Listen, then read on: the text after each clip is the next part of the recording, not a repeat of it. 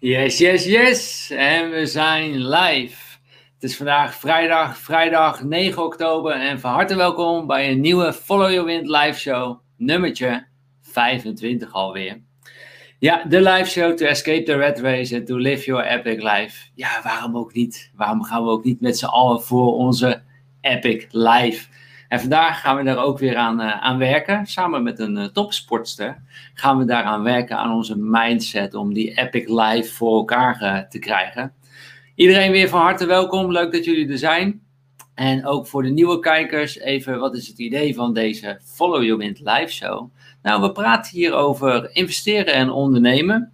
En daar willen we meteen ook even een disclaimertje bij plaatsen. Dat is wat wij vandaag met je gaan delen, is absoluut niet de waarheid. Het is slechts een idee. En we nodigen je uit om je eigen visie te ontwikkelen.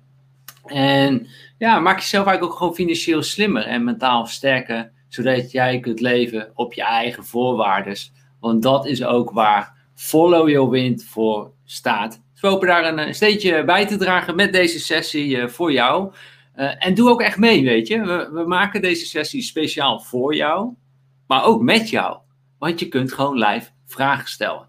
Dus stel ook zeker live je vragen. Ik hou de chat in de gaten voor jou. Als ik denk, hé, dit is een goede vraag op het juiste moment, dan zal ik die ook zeker voor je, voor je stellen. Dus doe, uh, doe mee. En vandaag gaan we ook weer, uiteraard, een hele mooie show maken. Waar gaan we het over hebben?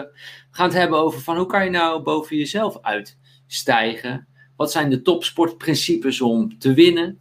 Hoe ga je om met tegenslagen? Want ja, in het leven hebben we ook te maken met tegenslagen. Hoe gaan we daarmee om? En waarom high performance onzin is en waarom het om peak performance gaat.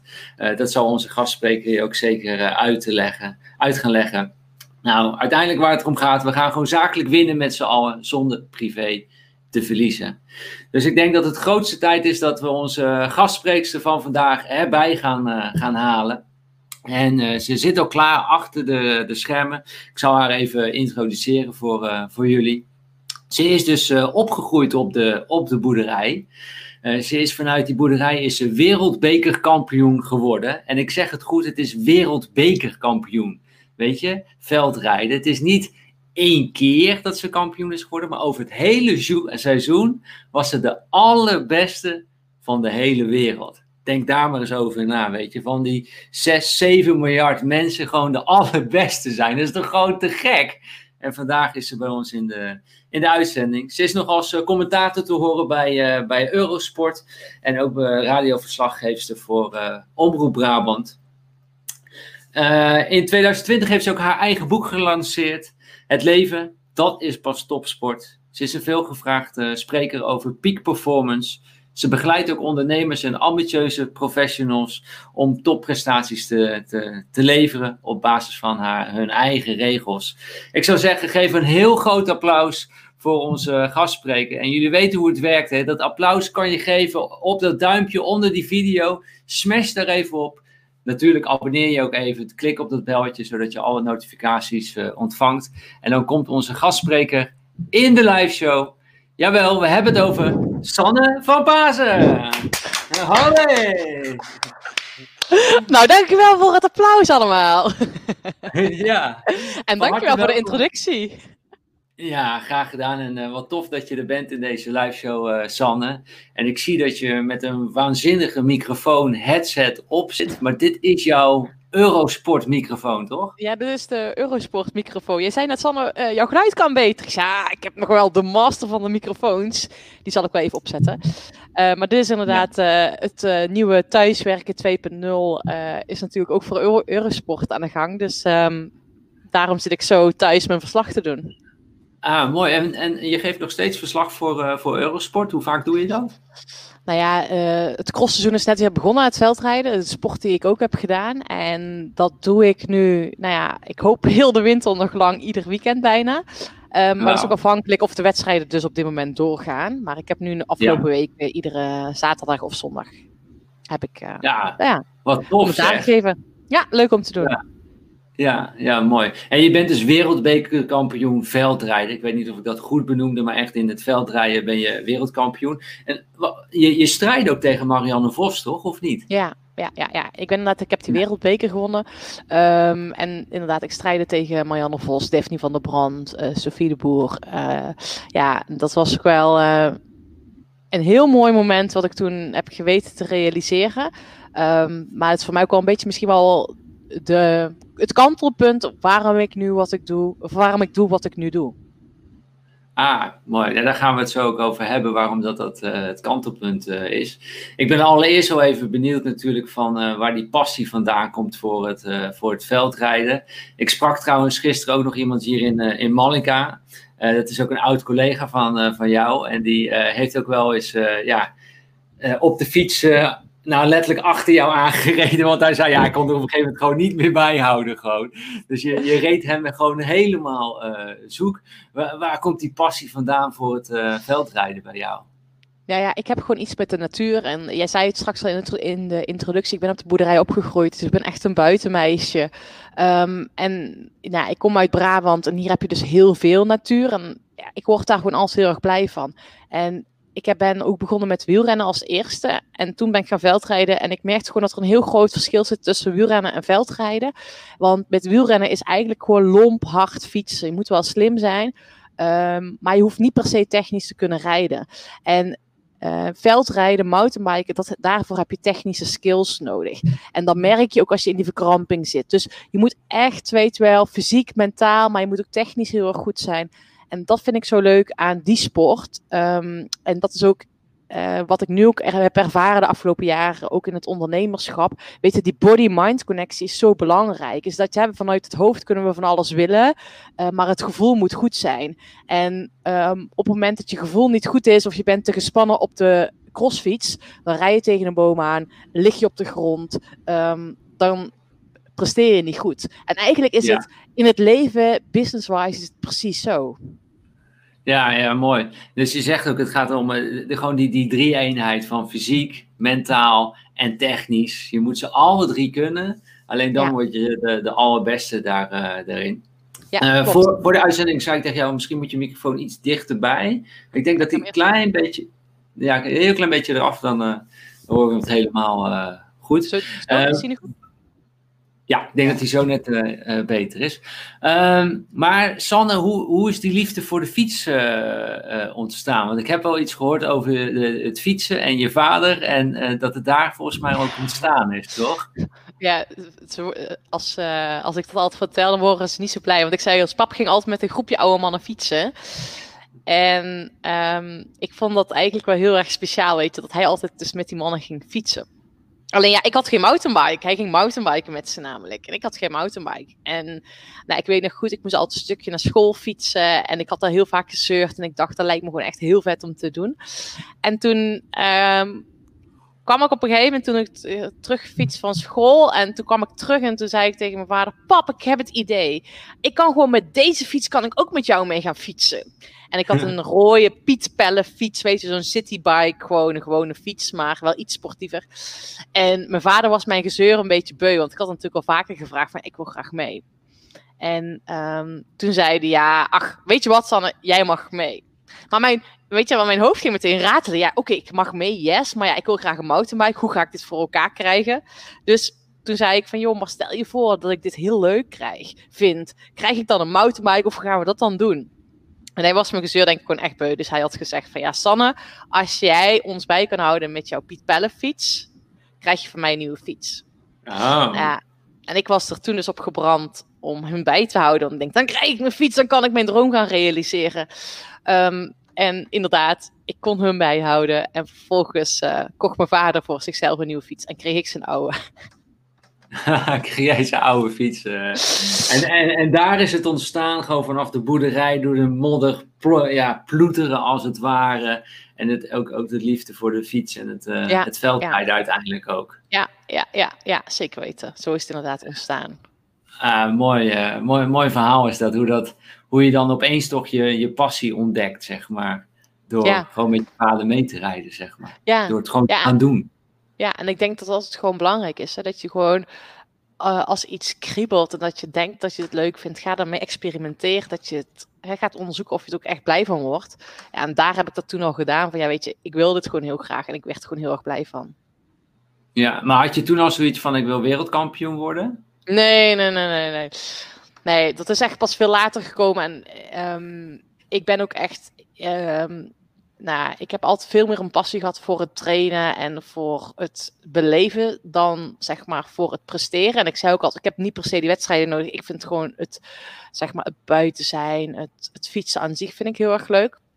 En uh, omdat ik er goed in was, kwamen er naarmate wel meer die doelen. En ook om uh, uiteindelijk op jouw manier uh, echt hoor. Een van mijn motto's, als je eigen spelregels bepaalt, win je altijd. En ik kwam er wel ja. achter, als ik goed wil presteren, wil ik met die mensen samenwerken die mij energie geven. Um, dus toen kwam ik er wel achter van ja. Um, als ik dat wil creëren, heb ik een eigen team nodig en wil, willen mensen gaan sponsoren, dan is het wel belangrijk dat je ambitieus bent. In plaats van, ja, ik, ik ben San en ik hou van fietsen en ik vind het leuk om een rondje om de kerk te fietsen. Dus toen ben ik die doelen gaan stellen en kwam ik er ook wel achter van, ja, dat waanzinnig goed werkt natuurlijk als je doelen stelt. En uh, dan ga je er ook echt in geloven en ga je ze realiseren. Ja, mooi.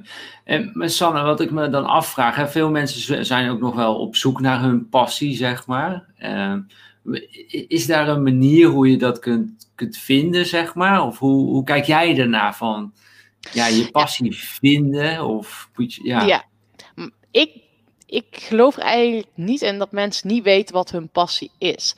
Um, ik denk dat vaak de uitdaging zit om jezelf toestemming te geven om de dingen te doen waar je echt energie van krijgt.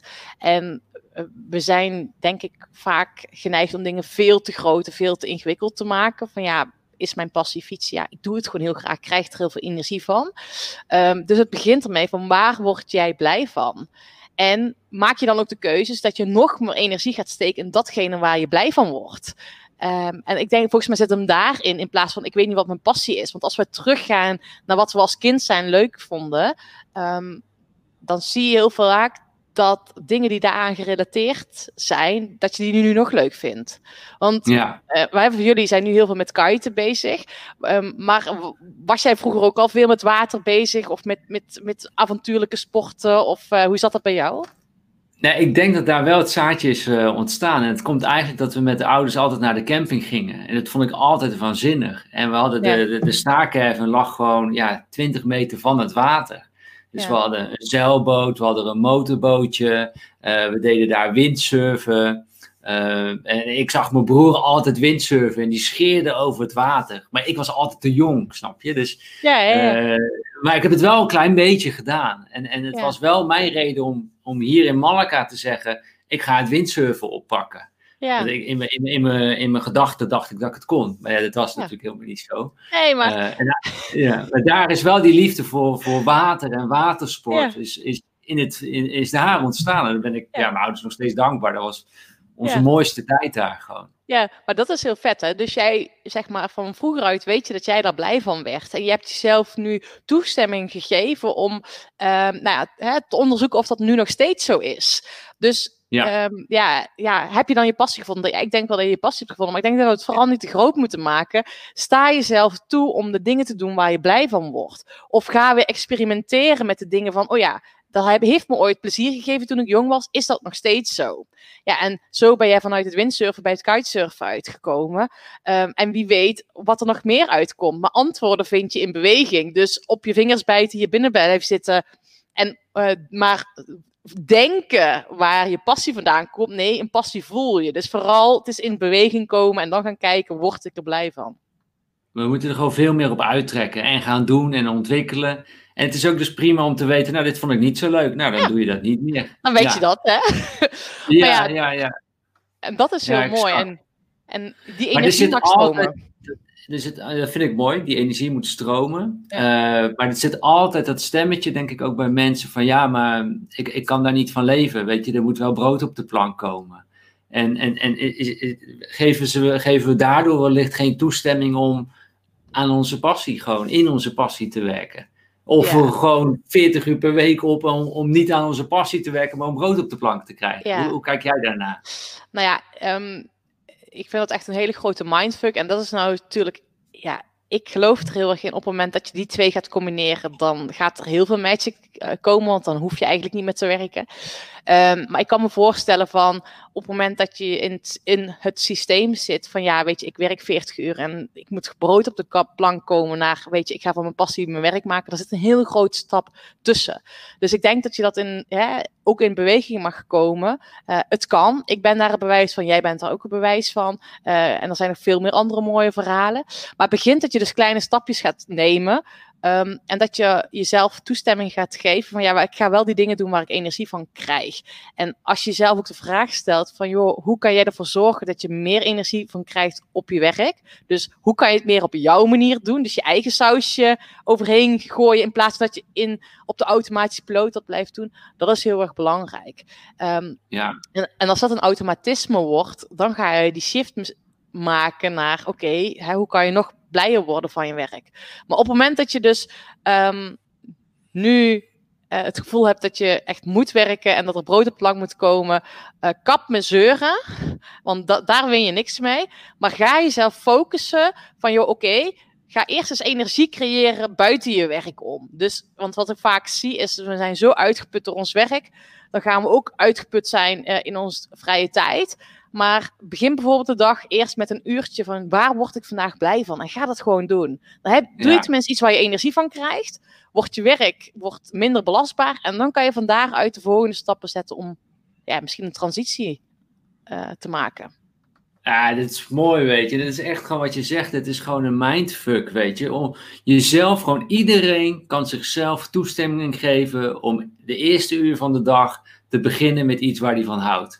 Iedereen heeft dat recht. Niemand die dat je verbiedt. Maar in onze mind lopen we het gewoon te verkloten. En gaan we dus iets, iets, anders doen. Ik vind, ik vind het goed dat je dat zegt. En ik, uh, ik merk het bij ons ook. Natuurlijk dat kitesurf is helemaal ontstaan. Uh, we, we, plaatsen nu ook heel veel uh, kitesurf foto's op Instagram. Daardoor volgen ons mensen ook.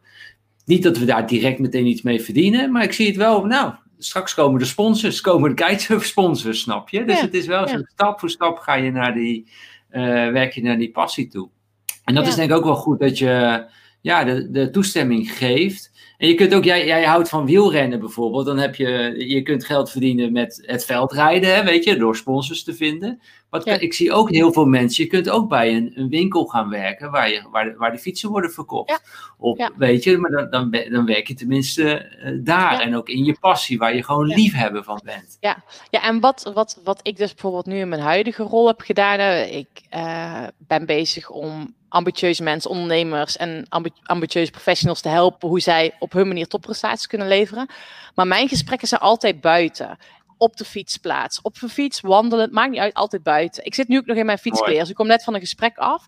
Dus ik heb echt mijn passie gecombineerd van, met mijn werk. En waarom heb ik dat gedaan? Ik merk gewoon omdat ik, ik ben echt op mijn allerbest in de bos. Ik voel me zo goed. En ik had pas nog met een interview met een journalist over mijn boek. En uh, ze kwam bij mij en ze zat hier aan tafel. En toen zei ze: Ja, San, ik wil eigenlijk niet jou gaan interviewen. Wil je mij coachen? ik zei: Natuurlijk, kom, we gaan naar buiten. En, uh, en toen waren we tijdens dat coachgesprek. Toen zei ze op een gegeven moment: Hoe kan jij dit? Hoe doe je dit? Uh, ik heb zoveel inzicht in zo'n korte tijd. Ik zei: Ja, ik zei: Wat volgens mij het geheim is, ik sta hier zo in mijn elementen zijn. Ik doe hier zo mijn ding, uh, waardoor ik nog beter ben in mijn werk. Kijk, en ik doe dat in mijn rol als coach. Um, maar ik denk ook al zit je op kantoor of uh, doe je op de administratie of weet ik veel wat. Jij kan echt wel één ding toevoegen aan je werk. Uh, hoe jij het leuker kan maken. En dat kan heel simpel om tijdens de administratie naar toffe muziek te luisteren. Of om een meeting die altijd standaard, uh, nou ja, wat ik dus nu bij heel veel mensen zie of adviseren is, weet je, ga gewoon als je een meeting hebt waar je niet hoeft te schrijven, ga allebei wandelen.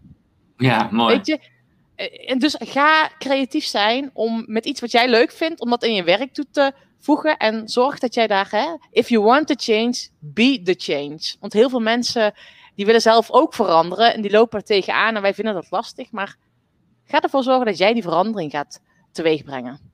Ja, Lieve kijkers, laat even weten ook in de, in de chat van, uh, of je ja, jezelf ook meer toestemming wilt geven om je, je passie uh, te volgen.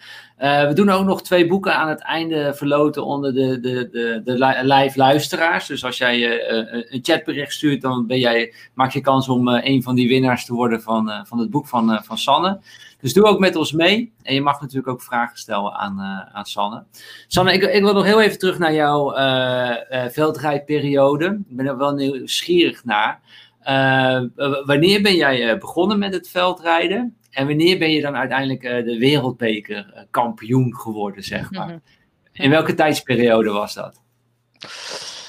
Um, dan moet ik je even, even teruggaan naar die tijd. Ik ben begonnen met fietsen, met wedstrijden rijden toen ik 16, 17 was. Was ik 17. En ik was 21 toen ik de wereldbeker won. Dus dat is vrij snel gegaan. Wauw, um, in vier jaar. Ja, dus echt wel heel snel. Maar, maar ging dat allemaal van een laaie dakje in die vier jaar? Ja, die vier jaar is echt uh, bizar goed gegaan. Ja, nou nee, ik, nee natuurlijk niet. Uh, ik zeg nu ja, eigenlijk wel. Maar ik, ik, weet je, dat, dit is misschien ook wel meteen wat mij typeert. Hoe met tegenslagen omgaan. Uh, ik zie tegenslagen, weet je wel, dat gebeurt met een reden. Wat kan ik hiervan leren? Dus ik draai die meteen om. Um, ik heb toen ik bij de elite vrouwen ging rijden, kreeg ik meteen een profcontract. kwam ik meteen bij het team in van Marianne Vos. En achteraf vind ik het echt dat ik dat als 18-jarig meisje heb ik toen heel grote keuze gemaakt. En uh, in dat team was alles supergoed geregeld. Mooi materiaal, mooie sponsors zoals destijds de DSB-bank. Nou, echt perfect geregeld. Um, maar ik was op dat moment was ik op kamers gaan wonen. Ik was gaan studeren. Ik deed een universitaire opleiding. En um, ik werd vanuit het team heel erg behandeld als de wielrenster. Dus Sanne die rijdt wel even alle wedstrijden. Uh, Sanne die gaat naar het buitenland toe. Maar ik moest ook behoorlijk wat uh, op reizen met openbaar vervoer, want ik was uh, jong, ik had nog geen rijbewijs. Nou lang verhaal kort. Ik merkte dat dat mij tegen ging staan. Van ja, weet je, er wordt nooit verder gekeken naar hoe regel je het eigenlijk of past het schema wel. En uh, toen werd ik op een gegeven moment werd ik op uh, woensdag opgebeld. Sanne, je vertrekt vrijdag naar uh, Tour de Lodes, een tiendaagse etappekoers in nou, Zuid-Frankrijk. Um, ja, we, we, vertrekken vrijdag, dus zorg maar dat je het geregeld krijgt. En toen zei ja. ik, ja, maar ik heb tentamens, dus gaat niet, dat gaat niet lukken. Nee, dan regel maar mijn school. Je bent wielrenster, dus doe dat maar. En dat als persoon stoterde mij dat. Ik voelde een heel mijn gevoel van dat past niet bij mij. Weet je, ik wil gewoon. Uh, ik wil als mens behandeld worden. En ik had er misschien nog wel een oplossing voor willen bedenken, maar ik wilde gewoon. Ja, niet dat dat zo bam bam. Nee, je bent wielrenster, dus doe dat. Um, dus en wij betalen jou. Ja, zo wilde ik niet behandeld worden. En ik merkte dat er in de loop van die periode steeds meer gebeurde. En ik was dus 18 en ik had nog een tweejarig contract. En ik zag het bij mijn ouders. En op een gegeven moment kon ik mijn ploegleider niet bereiken. En uh, nou, toen zei ik tegen mijn ouders, ik, ik wil dit niet meer. Dus toen ben ik als 18-jarig meisje mijn contract gaan inleveren. Waarvan eigenlijk de meeste wielrenners om mij heen, die hadden zoiets van, yo, je hebt een droomcontract, supergoed. En toen heb ik gezegd van, ik doe het niet. En toen heb ik twee dingen geleerd van, uh, weet je, als je ergens energie kost, moet je ermee kappen. Uh, en het is niet erg als je je oude schoenen eerst weggooit voordat je nieuwe hebt, want als je nou. je oude schoenen weggooit, moet je wel nieuwe hebben. Um, en het, weet je, omdat mijn energie kostte, fietste ik ook niet meer goed. En daardoor kon ik weer energie tanken om weer beter te presteren. Ja, en dat is gewoon, ja, ik vind dat eigenlijk wel heel bijzonder dat ik dat als 18-jarig meisje zo die keuzes heb gemaakt. En uiteindelijk ben ik daardoor is ook mijn eerste zaadje geplant om mijn eigen team neer te zetten, om de mensen om me heen te zoeken, om stil te staan. Hoe kan ik het beste presteren? Wauw, dus je hebt op 18-jarige leeftijd heb je gewoon je contract heb je gewoon ingediend. Gewoon of, uh, ja, ja, ja, ja, ja, opgezegd gewoon. En, en ben je je eigen team gestart? Ja, ja, ja. En, en ben je uiteindelijk uh, met je eigen team ook wereldkampioen uh, geworden? Ja, Wereldbekerkampioen? Ja, ik heb, uh, ik heb denk ik uh, eerst dat contract ingeleverd, heb ik een ander team gehad. En toen vervolgens ben ik mijn eigen team, of eh, ben ik aangesloten bij een ander team, ben ik mijn eigen team gaan starten. Maar ik inderdaad, ik heb toen met het Brainwash team, met mijn eigen team, heb ik dat allemaal gecreëerd. Um, dus dat is eigenlijk allemaal van een ja, een leien dakje afgedaan, uh, gegaan. Um, maar ik ben, op dat moment ben ik ook wel dingen vergeten, want ik was heel erg ambitieus gedreven en ik runde mijn eigen team, mijn sportcarrière en een universitaire opleiding. De meeste mensen die eh, doen dat misschien in, hebben daar een heel leven voor nodig om dat allemaal te combineren. En ik was 21 en ik had allemaal gecombineerd. Um, Maar, Dus maar, maar pleegde je daar geen roofbouw op je lichaam? Ja, dat wilde ik net gaan vertellen. Ja, ik heb toen echt wel roofbouw op mijn lichaam eh, gepleegd en last van mijn longen gekregen. Ik had last van mijn bovenbenen. Ehm, en uiteindelijk, weet je wel, ik, ik gaf dat ook wel aan mijn begeleidingsteam. Maar ja, op een of andere manier, ehm, eh, de rust mocht niet baten. En is ook wel heel logisch. En ik ben er ook wel heel erg dankbaar voor die les. Maar uiteindelijk heb ik een jaar ben ik geblesseerd geweest. Dan kon ik niet eens meer van Vlieren naar Deurne fietsen. Dat is drie kilometer. Dus ehm, ik heb echt eh, En- en- zo hard gewerkt. Ja, en, en, en dat was eigenlijk dus eh, nadat je wereldbekerkampioen eh, bent geworden, ben je heel zwaar geblesseerd geraakt. Is, is het zo Ja. gegaan? Ja, Dus- ja dus- het is denk ik ongeveer een jaar later. Ehm, eh, en ik was op de weg ook nog aardig goed. Dus ik heb ook de Ronde van Vlaanderen, de Waalse Pijl, de, Giro. Ik heb uh, Gent-Wevelgem, een belangrijke klassieker gewonnen eh, op de weg. Dus ik kon meerdere dingen goed. Ehm, maar ja, weet je, ik vond het ook niet zo leuk. En ik, ik, ik heb gewoon niet naar mijn gevoel geluisterd. En uiteindelijk, weet je, en dat is met alles. Hè, dus ook, weet je, business-wise of in het dagelijks leven. En als je dus gewoon maar hard blijft werken en vanuit je hoofd en je gevoel negeert, ja, dat kan. Dat is een oplossing, kan je heel succesvol door worden. Maar ik geloof er ook in dat er dan vroeg of laat dat er dan. Uh, nou ja, de man met de hamer langskomt. Ja, en dat weet ik zeker. Nou, maar ik, ik heb het van tevoren voor deze liveshow nog even uh, opgezocht, uh, Sanne. En het is, het is eigenlijk heel schrikbarend waar we met z'n allen mee bezig zijn, gewoon, denk ik dan. Want als ik kijk naar de, de Nederlanders die uh, burn-out klachten hebben, heb je enig idee? Er zijn 8,9 miljoen we werkende mensen. Hoeveel mensen denk je dat de burn-out klachten hebben? Ja, ik heb volgens mij pas zo'n lijstje voorbij zien komen. 1,2 miljoen? Ja, en dat is in 2017, hè? Tweede, dus het is al eventjes geleden. Het zal nu waarschijnlijk meer zijn, maar inderdaad 1,3 miljoen mensen. En dat Ja. is 15 procent. 15 procent lijkt misschien nog niet zo heel veel, maar het houdt in als jij uh, bij een bedrijf werkt met 10 mensen, dus Ja. anderhalf persoon heeft dus al een burn-out Ja. of burn-out klachten. Ja. Weet je, en dat is, dat is de 10 mensen om je heen, dan heeft dus iemand gewoon een burn-out, weet je. Ja. En daar, daar lijken we wel met z'n allen in de Ja. maatschappij uh, uh, ja, op weg naar, weet je. En dan, Ja. um, nou jij voelde dat eigenlijk ook, denk ik, gewoon dat je dus, uh, je, je, had die topsponsor, hè? Je, je had die goede baan. Ja. Uh, en, en, maar ze legden zoveel mentale druk op jou dat je niet meer kon presteren. Nee, En, ja, en jij hebt toen de beslissing genomen, wat bijna niemand zou doen. Ik zeg mijn baan op. Ik zeg het contract op. Ik ga voor mezelf starten. Super onveilig. Ja. Zo, hè? Ja, en ik heb daar dus al gele geleerd om naar mijn gevoel te luisteren. Alleen ik kwam er wel achter. Um, dus toen ik mijn eigen team had, ben ik te veel vanuit mijn hoofd recht op die finish af. En ik dacht heel veel, en dat zo word je ook wel opgeleid als topsporter. Dit is het trainingsschema, zo moet je het doen. En je wordt niet, en zo worden we allemaal niet opgeleid. En dat is wel het vak waar ik nu heel erg veel mee bezig ben. Van oké, wat zegt je gevoel? Dus nou, en wat is je gevoel, maar wat zegt je onderbuikgevoel? En dat je dus ook uit het systeem mag stappen en dat je het op jouw manier mag doen. Want ik, ja, ik vind het zo jammer dat we gewoon dat het leidt dat veel te veel mensen in die, op die automatische piloot leven. En ik wil wel eens gewoon, ik daag iedereen uit om alles van scratch af aan. Van oké, okay, hoe zou jij het willen? Om dat zo in te richten. Ja, en we weten het wel, hè? Ik, ik heb het ook, Sanne. Ik ervaar het ook en ik luister ook niet er altijd naar, ook niet altijd naar mijn gevoel. Ik ben er ook telkens nog steeds beter aan het leren, snap je? Maar stiekem ja. weet je wel dat je op een weg zit wat niet helemaal de juiste weg is, wat niet duurzaam is, wat je niet twintig ja. jaar kunt volhouden. En, maar toch doe je niks. Ja, maar toch doe je niks, zeg maar. Hè? Ja. Dus dat, ja. Wat, wat zou jouw advies zijn? Gewoon, ja, je moet wel iets doen. Nou, nee, ja, tuurlijk, je moet wel iets doen. Antwoorden vind je in beweging. Maar ik wil iedereen de metafoor meegeven. En dat kennen we allemaal. Kijk, um, hey, ik ga ervan uit dat de meeste mensen wel sport of iets met sport hebben. En ook met jou, met kiten. Je zei, ik dacht dat ik kon windsurfen. Nou, nu, nu doe je kiten, maar ik dacht dat ik dat kon. Weet je, je moet dat trainen.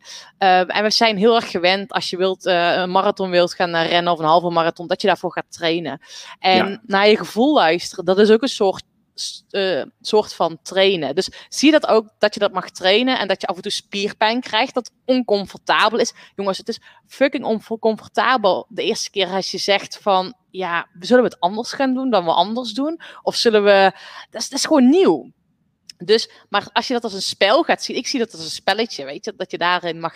En dat elke keer kom je dan weer nieuwe dingen tegen. En omdat je dan niet, jij jezelf niet te serieus neemt, maar als een spelletje ziet, ga je daar makkelijker mee om. Um, dus daar hoort die spierpijn bij. En dan mag je dat gewoon bewust gaan doen. En wat ik dus mensen heel vaak zeg: van oké, hoe kan je dit gaan trainen? Um, ga dat dan niet meteen met het allergrootste ding doen. Uh, hè, weet je, van, om van je passie je werk te maken. Nou, dat is best wel uit je comfortzone komen.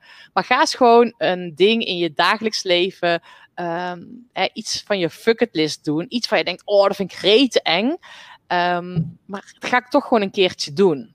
En zo ben ik een keer gaan parachute springen. Wat doet dat met me als ik iets rete engs ga doen? Hoe reageert mijn lichaam dan? Um, nou ja, en dat is gewoon heel leuk om dat te ervaren. Dan weet je ook hoe, hoe je lichaam dan kan reageren en hoe je dat dan kan gaan tackelen.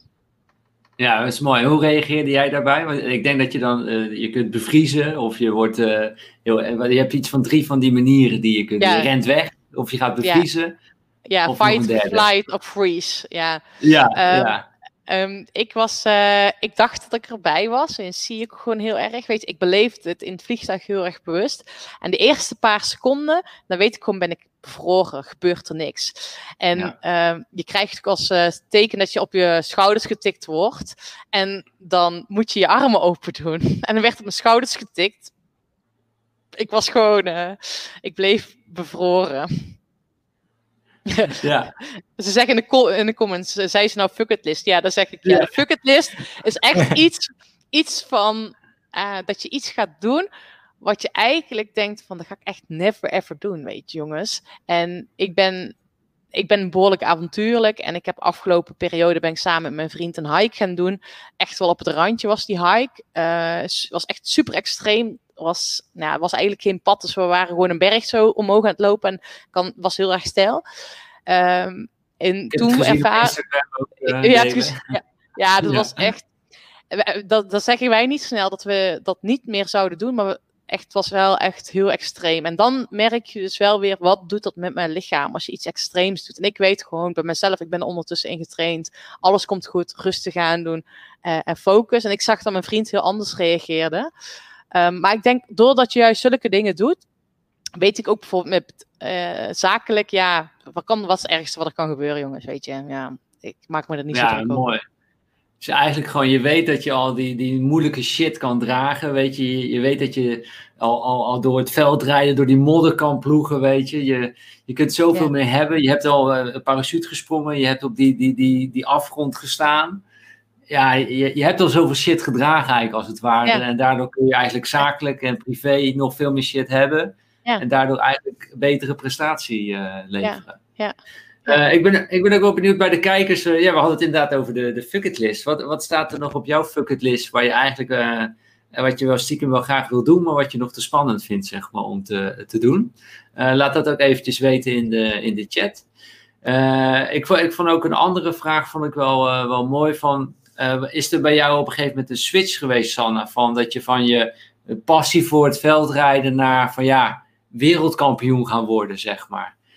Kon jij heel, zag je het de hele tijd nog als je passie of werd het op een gegeven moment ook een obsessie? Hoe, hoe is ja. dat verlopen? Ja. En dat is precies de juiste vraag. Wat er bij mij is gebeurd, ik heb altijd mijn studie gecombineerd met mijn passie. Mijn, uh, ja, met, met, met, mijn passie met fietsen, fietsen met, met mijn studie. Um, en mijn grootste fout is geweest dat ik mijn studie ben, dat ik af ben gestudeerd. Nou, klinkt heel fout. dat ik mijn master heb behaald is mijn grootste fout. Ik heb namelijk nog getwijfeld, zal ik gewoon mijn master open laten staan, dat ik nog vakken kan volgen, dat ik wat afleiding had. Maar doordat mijn uh, fietsen echt het werk werd en dat het serieus business werd, dat ik mezelf te serieus ging nemen, dat het in één keer moest presteren. En ik, ik knijp mijn armen nu al staan, want ik moest, weet je, er komt veel meer spanning in je. Um, ben ik letterlijk in die verkramping geschoten. Um, en dat is ook het stukje van hoe hoog leg jij de lat? Um, ik focuste me echt op het hoogst haalbare. En ik heb me in minder mate gefocust op de reis naartoe, het genieten, het plezier. Um, waarom ik het deed. Dus dat is ook het stukje wat super belangrijk is, van je mag wel een doel hebben en die mag ook best hoog liggen. Maar het is heel erg belangrijk dat je eigenlijk jezelf niet op dat doel gaat focussen, maar juist op die reis en op die ontwikkeling ernaartoe. Want onderweg ja. is vele malen mooier dan alleen op de bergpunt staan. Ja, Ja, ik vind het zelf nog steeds lastig, moet ik zeggen, zeg maar, om dat uh, te doen. Ik, kan dat, ik, ik had het gisteren eigenlijk nog, weet je, dan, uh, ja, dan wilde ik zoveel op een dag en eigenlijk gewoon te veel, zeg maar. Dan ja, raak je daar gewoon een beetje gestrest van en, en, en vermoeid van, zeg maar. Terwijl het waren allemaal leuke dingen eigenlijk. En als ik er gewoon veel meer plezier in had gehad in die weg, ja. dan, dan was het eigenlijk veel gezelliger geweest, zeg maar. Ja, en, ja. En, en, waarschijnlijk ook nog meer bereikt, zeg maar. Ja, en dat je die rust kan vinden, want dat is ook wel. Uh, ik zei het straks al, ik ben nu min, ik heb een maand vrij gehad. Dat is wel voor mij wel een uit ja. mijn comfortzone dingetje. Uh, maar ik heb dus niet gewerkt. En deze week stond dus echt een teken van mijn klanten. En um, ik verbaasde me, maar ik ben er natuurlijk bewust, bewust mee bezig. Maar ik heb mijn computer eigenlijk bijna niet aangeraakt. En um, dan merk ik ook, omdat ik merkte van ja, weet je, ik krijg er geen energie van. Um, dan maar volgende week mijn mails beantwoord hebben. Um, maar het zorgt wel dat ik uiteindelijk, ja, ik, ik, ik zit echt nog steeds hoog in energie. En dat is gewoon heel vet. Dus dat is denk ik wel heel erg belangrijk. Doordat je van die reis, ook al is het hè, een vollere agenda of lopen dingen anders, dat je gewoon kan denken, oké, okay, hoe kan ik hier het beste mee dealen en hoe kan ik hier het beste van genieten? Ja, mooi. En, en Sanne, in jouw succes naar die, die wereldbekerkampioen, hè, hoe belangrijk was jouw uh, omgeving daarin? Ja, super belangrijk. Ja, ja, ja, weet je, winnen doe je samen. En um, ik geloof dat ook in de business of hè, ook het stukje. Ik heb mijn eigen. Ik vind investeren ook super interessant. En daar ben ik natuurlijk mee bezig voor de toekomst. Ja, ik heb gewoon. Uh, zoek de mensen om je heen die je daarin kunnen helpen. En dat is wel waar ik continu mee bezig ben. Van ik plant zaadjes. Um, en we willen vaak heel vaak oogsten, maar dat is natuurlijk niet zo. Weet je, je moet het ook eerst voeden en laten groeien. En daar zijn de ja. juiste mensen essentieel in. Dus ik werk echt met de juiste mensen om me heen samen. Um, en dat was destijds ook gewoon uh, de beste, ja, echt A-players. En ik merk ook dat ik het begin van mijn eigen bedrijf uh, hier in de fout gemaakt. Ik denk, ja, jij kan dat vast wel. Maar weet je, niet kritisch genoeg te zijn van, ben jij de beste? Ja. of ben jij de beste voor mij? Ja, dus, dus jij gelooft ook heel erg in dat je het gemiddelde bent van de vijf mensen om je heen. Ja, en als je, ja. Daar, als, je, als je kijkt naar die vijf mensen waar je het meeste om, om, mee omgaat, dat, dat gaat je toekomst worden, als, ja. uh, als het ware. Dus heb je toen je eigen team ging opzetten, ook voor, uh, voor het veldrijden, ben je echt voor die A-players daar uh, gegaan? Ja, ja, je hebt ook echt met de beste mensen. En ik zei ook al de beste mensen voor mij. Want dat is natuurlijk ook zo. Um, kijk, het wil niet zeggen dat iemand is waar jij goed mee samenwerkt, ik dan mee samenwerk, omdat we een andere energie hebben of een andere visie hebben, kan. Hè? Weet je, dat, dat, dus dat wil niet ja. zeggen. Dus voor mij is het, ik ben ook echt een gevoelsmens. Voor mij moet het gevoel ook goed zijn.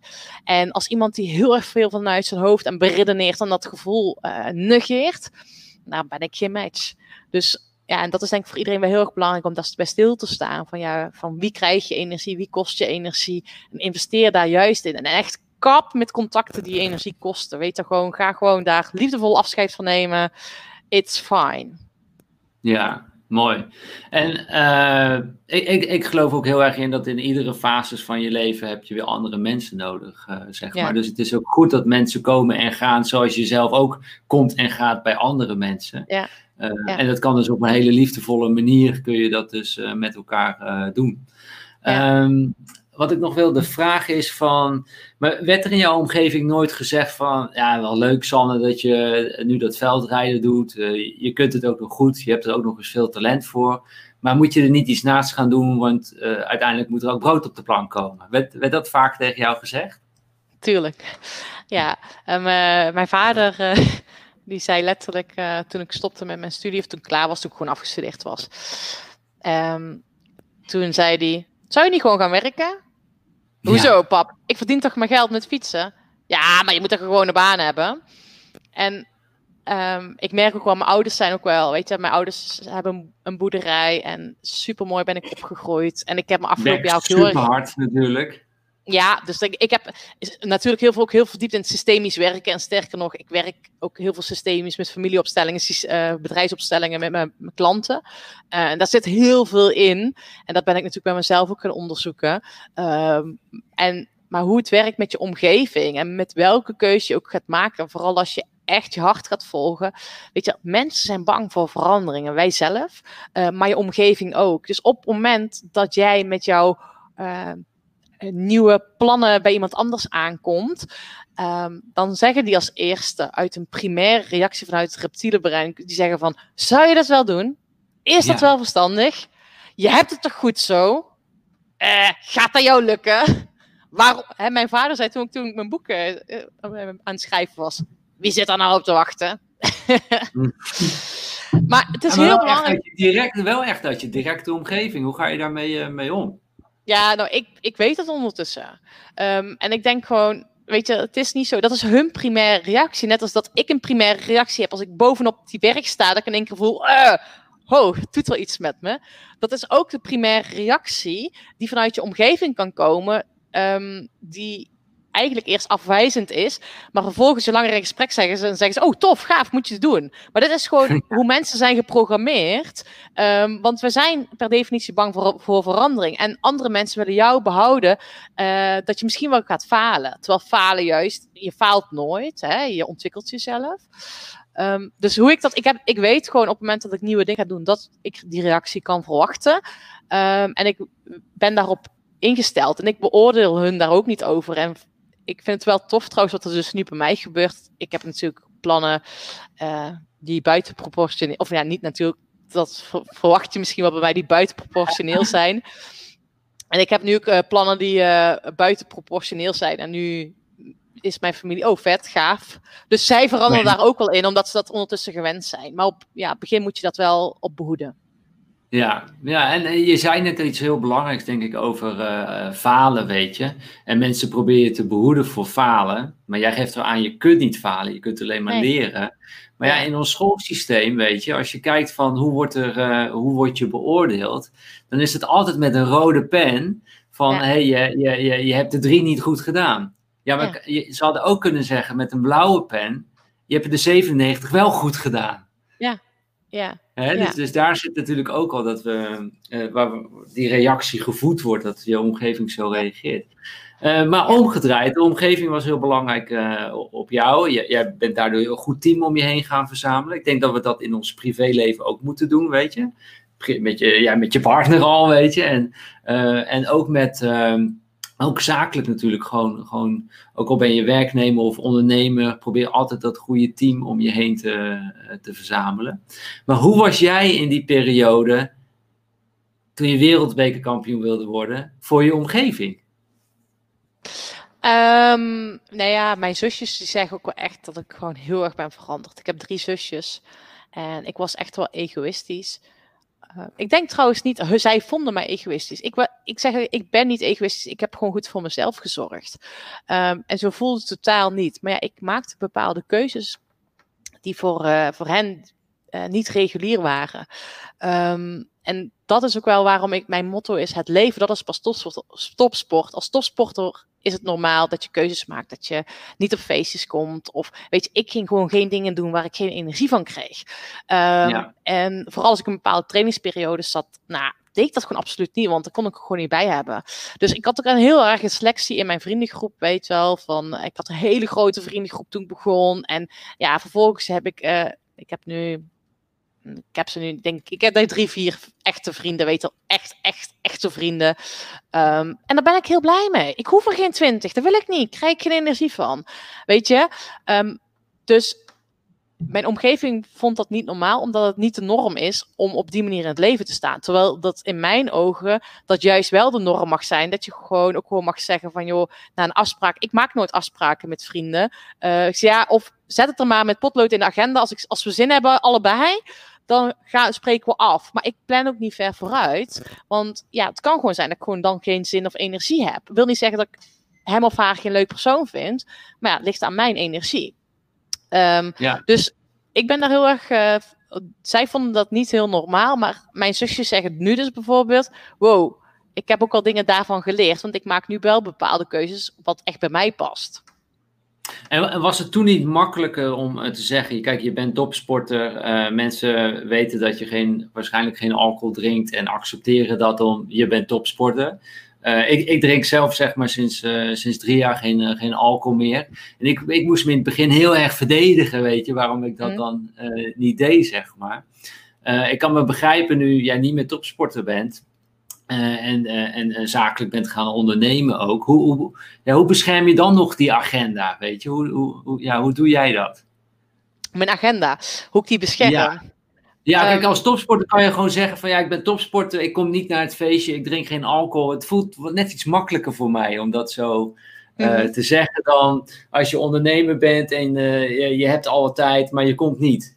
Ja, ja, je, ja. je gaat niet, niet, met iedereen koffie drinken. Je, je, want ik, ik, neem aan dat jij nog steeds gewoon je, je, ja, dat beschermt gewoon voor jezelf. Ja, nou, ik had gisteren toevallig nog een, uh, een, een, een call met iemand en Um, het was eigenlijk gewoon, ik kreeg letterlijk een vroeg verzoek om met iemand samen te werken. Um, en ik kan nog wel ooit zeggen van, joh, weet je, misschien zit er mogelijkheid in. Maar weet je, dit was echt een call. Ik voelde gewoon al voor die call, nee, heel mijn lichaam schoot in de verkramping, moet ik gewoon niet gaan doen. Ik geef mezelf dus toestemming om dan ook gewoon daar meteen op de hand te zeggen, nee, uh, weet je, het houdt hier op. En ook met mijn agenda beschermen. Kijk, ik weet gewoon heel erg goed um, ja, wat ik leuk vind om te doen. Ik maak nooit echt privé afspraken in mijn agenda. Dus mijn, ja, dat is gewoon ook hoe onze uh, sociale contacten eruit zien. Uh, het staat niet in mijn agenda. Bijvoorbeeld als jij mij nu vraagt van Sanne, wat ga je dit weekend doen? Dan zeg ik eigenlijk gewoon, dat staat niks in mijn agenda. Ik ga denk fietsen of uh, ik weet ik eigenlijk niet wat ik ga doen, waar ik zin in heb. Kan best zijn dat ik komend weekend afspraken, uitnodigingen heb gekregen voor verjaardagen. Kan best. Dat, dat, dat weet ik niet eens. Um, nou, trouwens, nu is coronatijd, het zal best wel zijn dat er bijna geen afspraken zijn. Ja, maar, dat maakt het ook weer makkelijker. Ja. Dat maakt het makkelijker. Maar met mijn vriend en ik, weet je wel, wij uh, we zetten het ergens onbewust wel in onze agenda, maar wij zullen het nooit als zeggen van jeetje, we moeten daar, daar naartoe. Wij, stel voor dat wij zaterdagavond een verjaardag hebben, um, dan gaan we naartoe als we er zin in hebben. En Um, het kan best zijn, want ik hou helemaal niet van veel mensen bij elkaar. Dus het kan best zijn, oké, die verjaardag is, ik heb er eigenlijk geen zin in. Dat ik die mensen opbel, joh, mag ik uh, zaterdagmiddag komen lunchen? Dat vind ik veel leuker. Dus ik ga echt daarin ook mijn eigen spelregels bepalen. Waar heb ik zin in? Weet je, ik wil wel die verjaardag vieren, maar misschien op die manier. Of ik neem ze mee uit eten. Of, dus ik ga heel erg die randvoorwaarden daarin bepalen. Um, dus ik, ja, ik, ik zet het niet zo zwart op wit het hoeft niet, alleen als ik zin heb. Dus mijn mindset ten opzichte van die afspraken is wel anders. Kijk, en mijn werkagenda is gewoon heel simpel, want ik heb gewoon afspraken met mezelf om te fietsen in mijn agenda staan. Um, en uh, er staan gewoon blokken in. Het kan best zijn dat jij nu vraagt van Sanne, kan je vrijdagmiddag uh, nou, dit interview doen, terwijl ik normaal vrijdagmiddag uh, fiets. Maar ja, dan verschuif ik dat blok naar de ochtend, weet je wel. Maar die reminders heb ik in mijn agenda staan. En als het energie kost, en ik had eigenlijk vanmiddag een afspraak staan. Uh, en daar voelde ik vorige week al van, poh, weet je, na mijn vakantie en dan ook nog vrijdagmiddag naar de andere kant van Nederland rijden. Dat wordt hem niet. Uh, dus ik heb gewoon vorige week vrijdag heb ik al een afspraak voor vandaag afgezegd. Ja. Dus ik geef hem echt wel de toestemming. ja, ik vind dat het mooiste woord wat je al deelt in deze live show. Gewoon jezelf toestemming geven zodat gewoon met z'n allen gewoon meer zouden doen om toestemming naar je gevoel te luisteren. En, en ik denk dat iedereen dat herkent, dat hij al weet dat hij over een week die afspraak hebt, maar je, je voelt het al in je hoog uh, uh, zitten, zeg maar. Uh, ja. Nou, ga dat gevoel eens onderzoeken. Weet je, soms is het een beetje angst ervoor en moet je daar ook gewoon overheen stappen, moet je het wel doen. Maar soms is het ook, ja, geeft het je echt geen energie en mag je dus ook zeggen van nee, we verzetten het. Of, of we, we doen het niet. Ja, nee, wat dat is het, hè, wat jij zegt, het stukje bewustzijn van wat doet het met me. En op het moment dat je al een gevoel hebt over een bepaalde afspraak, ja, ik ga dan bij mezelf een soort van onderzoek van, oké, hoe kan ik het leuker maken? Um, hoe kan ik er energie van krijgen? Dus, hè, of misschien moet ik er mijn randvoorwaarden verdraaien. Dus misschien moet ik vragen, kan, kan je naar mij toe komen? Um, en ik vond het wel een heel mooi geval, want ik heb hem vorige week al gebeld. En zei ook, vind ik wel heel mooi dat je nu al belt. Ik zei, ja, ik had ook zitten twijfelen van, om het af te wachten. Maar toen dacht ik, ja, weet je, ik loop hier nu met dit gevoel nu al. En ik wil er iets mee doen. Dus ik loop al zelf dan ook nog, zeg maar, vier dagen met dat gevoel. En voor die anderen is dat ook prettig, want zijn agenda is al ruimere tijd van tevoren uh, leeg. Um, ja. En ik merk dat zelf ook met klanten. Uh, ik werk samen dus met mijn klanten. En op het moment dat een klant een afspraak afzegt, het komt bij mij eigenlijk altijd goed uit. En dan denk ik, voelde jij eraan dat die afspraak afgezegd of verzet wordt? Dus wees ook uh, jezelf ervan bewust dat als jij iets bij jezelf voelt, dat dat voor die ander ook zo is. En ehm, alleen we zijn niet gewend om dat te benoemen. Dus ook als dat in relaties of samenwerkingen of uh, dat je het voelt van uh, loop moeizaam en jij, jij blijft maar een beetje aanmodderen. Kap dan mee, ga het bespreekbaar maken en spreek vanuit jezelf. Dus ga niet veroordelen, maar bespreek aan jezelf: dit doet dit met mij. Of uh, joh, ik merk dat ik, hè, we hebben die afspraak dan gepland, maar ik merk dat ik een beetje benauwd of dat het een beetje gehaast is. Misschien is het ander. En 9 van 10 keer zegt die ander: dat komt eigenlijk mij ook wel goed uit, want... Ja. Herken je dat? Mooi hoor. Uh, nou, het is gisteren nog gebeurd. Gisteren had ik eigenlijk ook een afspraak. En dat vond ik wel echt een hele leuke afspraak. Dus daar had ik ook wel echt tijd voor gepland. Maar ik had bij mezelf nog zoveel andere afspraken zelf gepland. En toen viel die ene weg. Ja, het kwam wel lekker uit, zeg maar. Zeg ja. maar. Ja, uh, ja. Dus ik, ik, herken het ook. Uh, al, al, vond ik het in dit geval ook jammer dat die afspraak niet doorgaat, omdat het gewoon leuk is. En met hele mooie dingen bezig zijn. Maar het kwam beter uit voor aanstaande maandag. Ja. Maar waarschijnlijk heb je aanstaande maandag meer tijd, meer energie, meer rust. Waardoor het een nog mooier en waardevoller gesprek gaat zijn. Waardoor jullie nog mooiere dingen samen. Jullie magie is dan veel mooier samen. Ja, dat denk ik ook, ja. Ja, en ik wilde het door laten gaan om geen tijd te verspillen.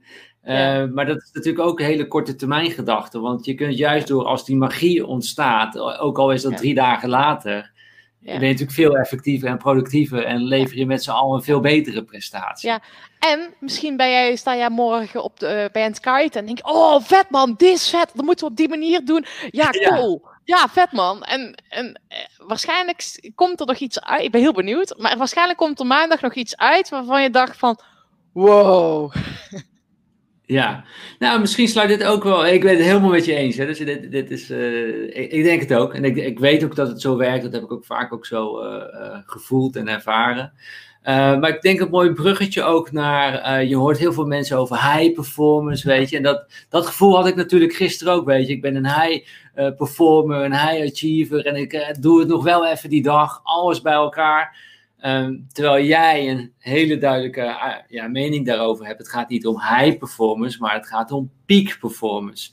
Kan je, kan je uitleggen hoe jij daar uh, naar kijkt en, en waarom dat, jij dat verschil maakt? Ja, nou ja, weet je, kijk, ik zie heel veel dingen. Ik zie eigenlijk het leven als een berg. Um, en ja, of in jullie geval als een golf. Weet je, het, ja. is, een, het is een beweging. Um, en je kan nooit met, eh, met een golf, hoe je die aanvliegt, weet je, dat is ook dynamisch. Uh, een berg, weet je, dat laatste stukje is altijd wat steiler als je die opfietst of naar boven gaat, weet je. En je krijgt wat ijlere lucht en dan moet je even doorbikkelen en dan ben je boven. Maar dan sta je bovenop en dan kan je genieten van het uitzicht. En dan heb je een hele vette afdaling. Of in jullie geval die sprong die zo enorm kicken is. Die afdaling is ook zo enorm kicken. Ja. Nou, en in, als je een high performance doet, dan ben je continu door aan het rammen en alles tegelijk aan het doen. Zit je heel vanuit je hoofd. En ik geloof juist in, en waar we het net ook over hadden, dat je vanuit het juiste gevoel in beweging mag komen. En als je dan echt scherp hebt wat je wilt, en dan is het niet erg om af en toe harder te werken, want hey, je moet er toch boven komen op die berg. Dit is niet erg. Maar wel als je voldoende tijd neemt om weer in die ontspanning te komen, om het weer op scherp te komen, dan kan je in veel minder tijd uh, met nog meer plezier echt datgene doen wat je wilt doen. En daarin kan je presteren. En daarom noem ik het peak performance. In plaats van als je een kip zonder kop door blijft gaan om maar te presteren. Want ja, ik kan je ook uit eigen ervaring vertellen van ja, die prestatie, daar word je niet per definitie gelukkiger van. Ook niet van die omzet of van uh, die winst, maar het gaat erom. Nou, ik heb net hele mooie gesprekken gehad met een klant die weer zegt van vet man, hier ga ik mee aan de slag.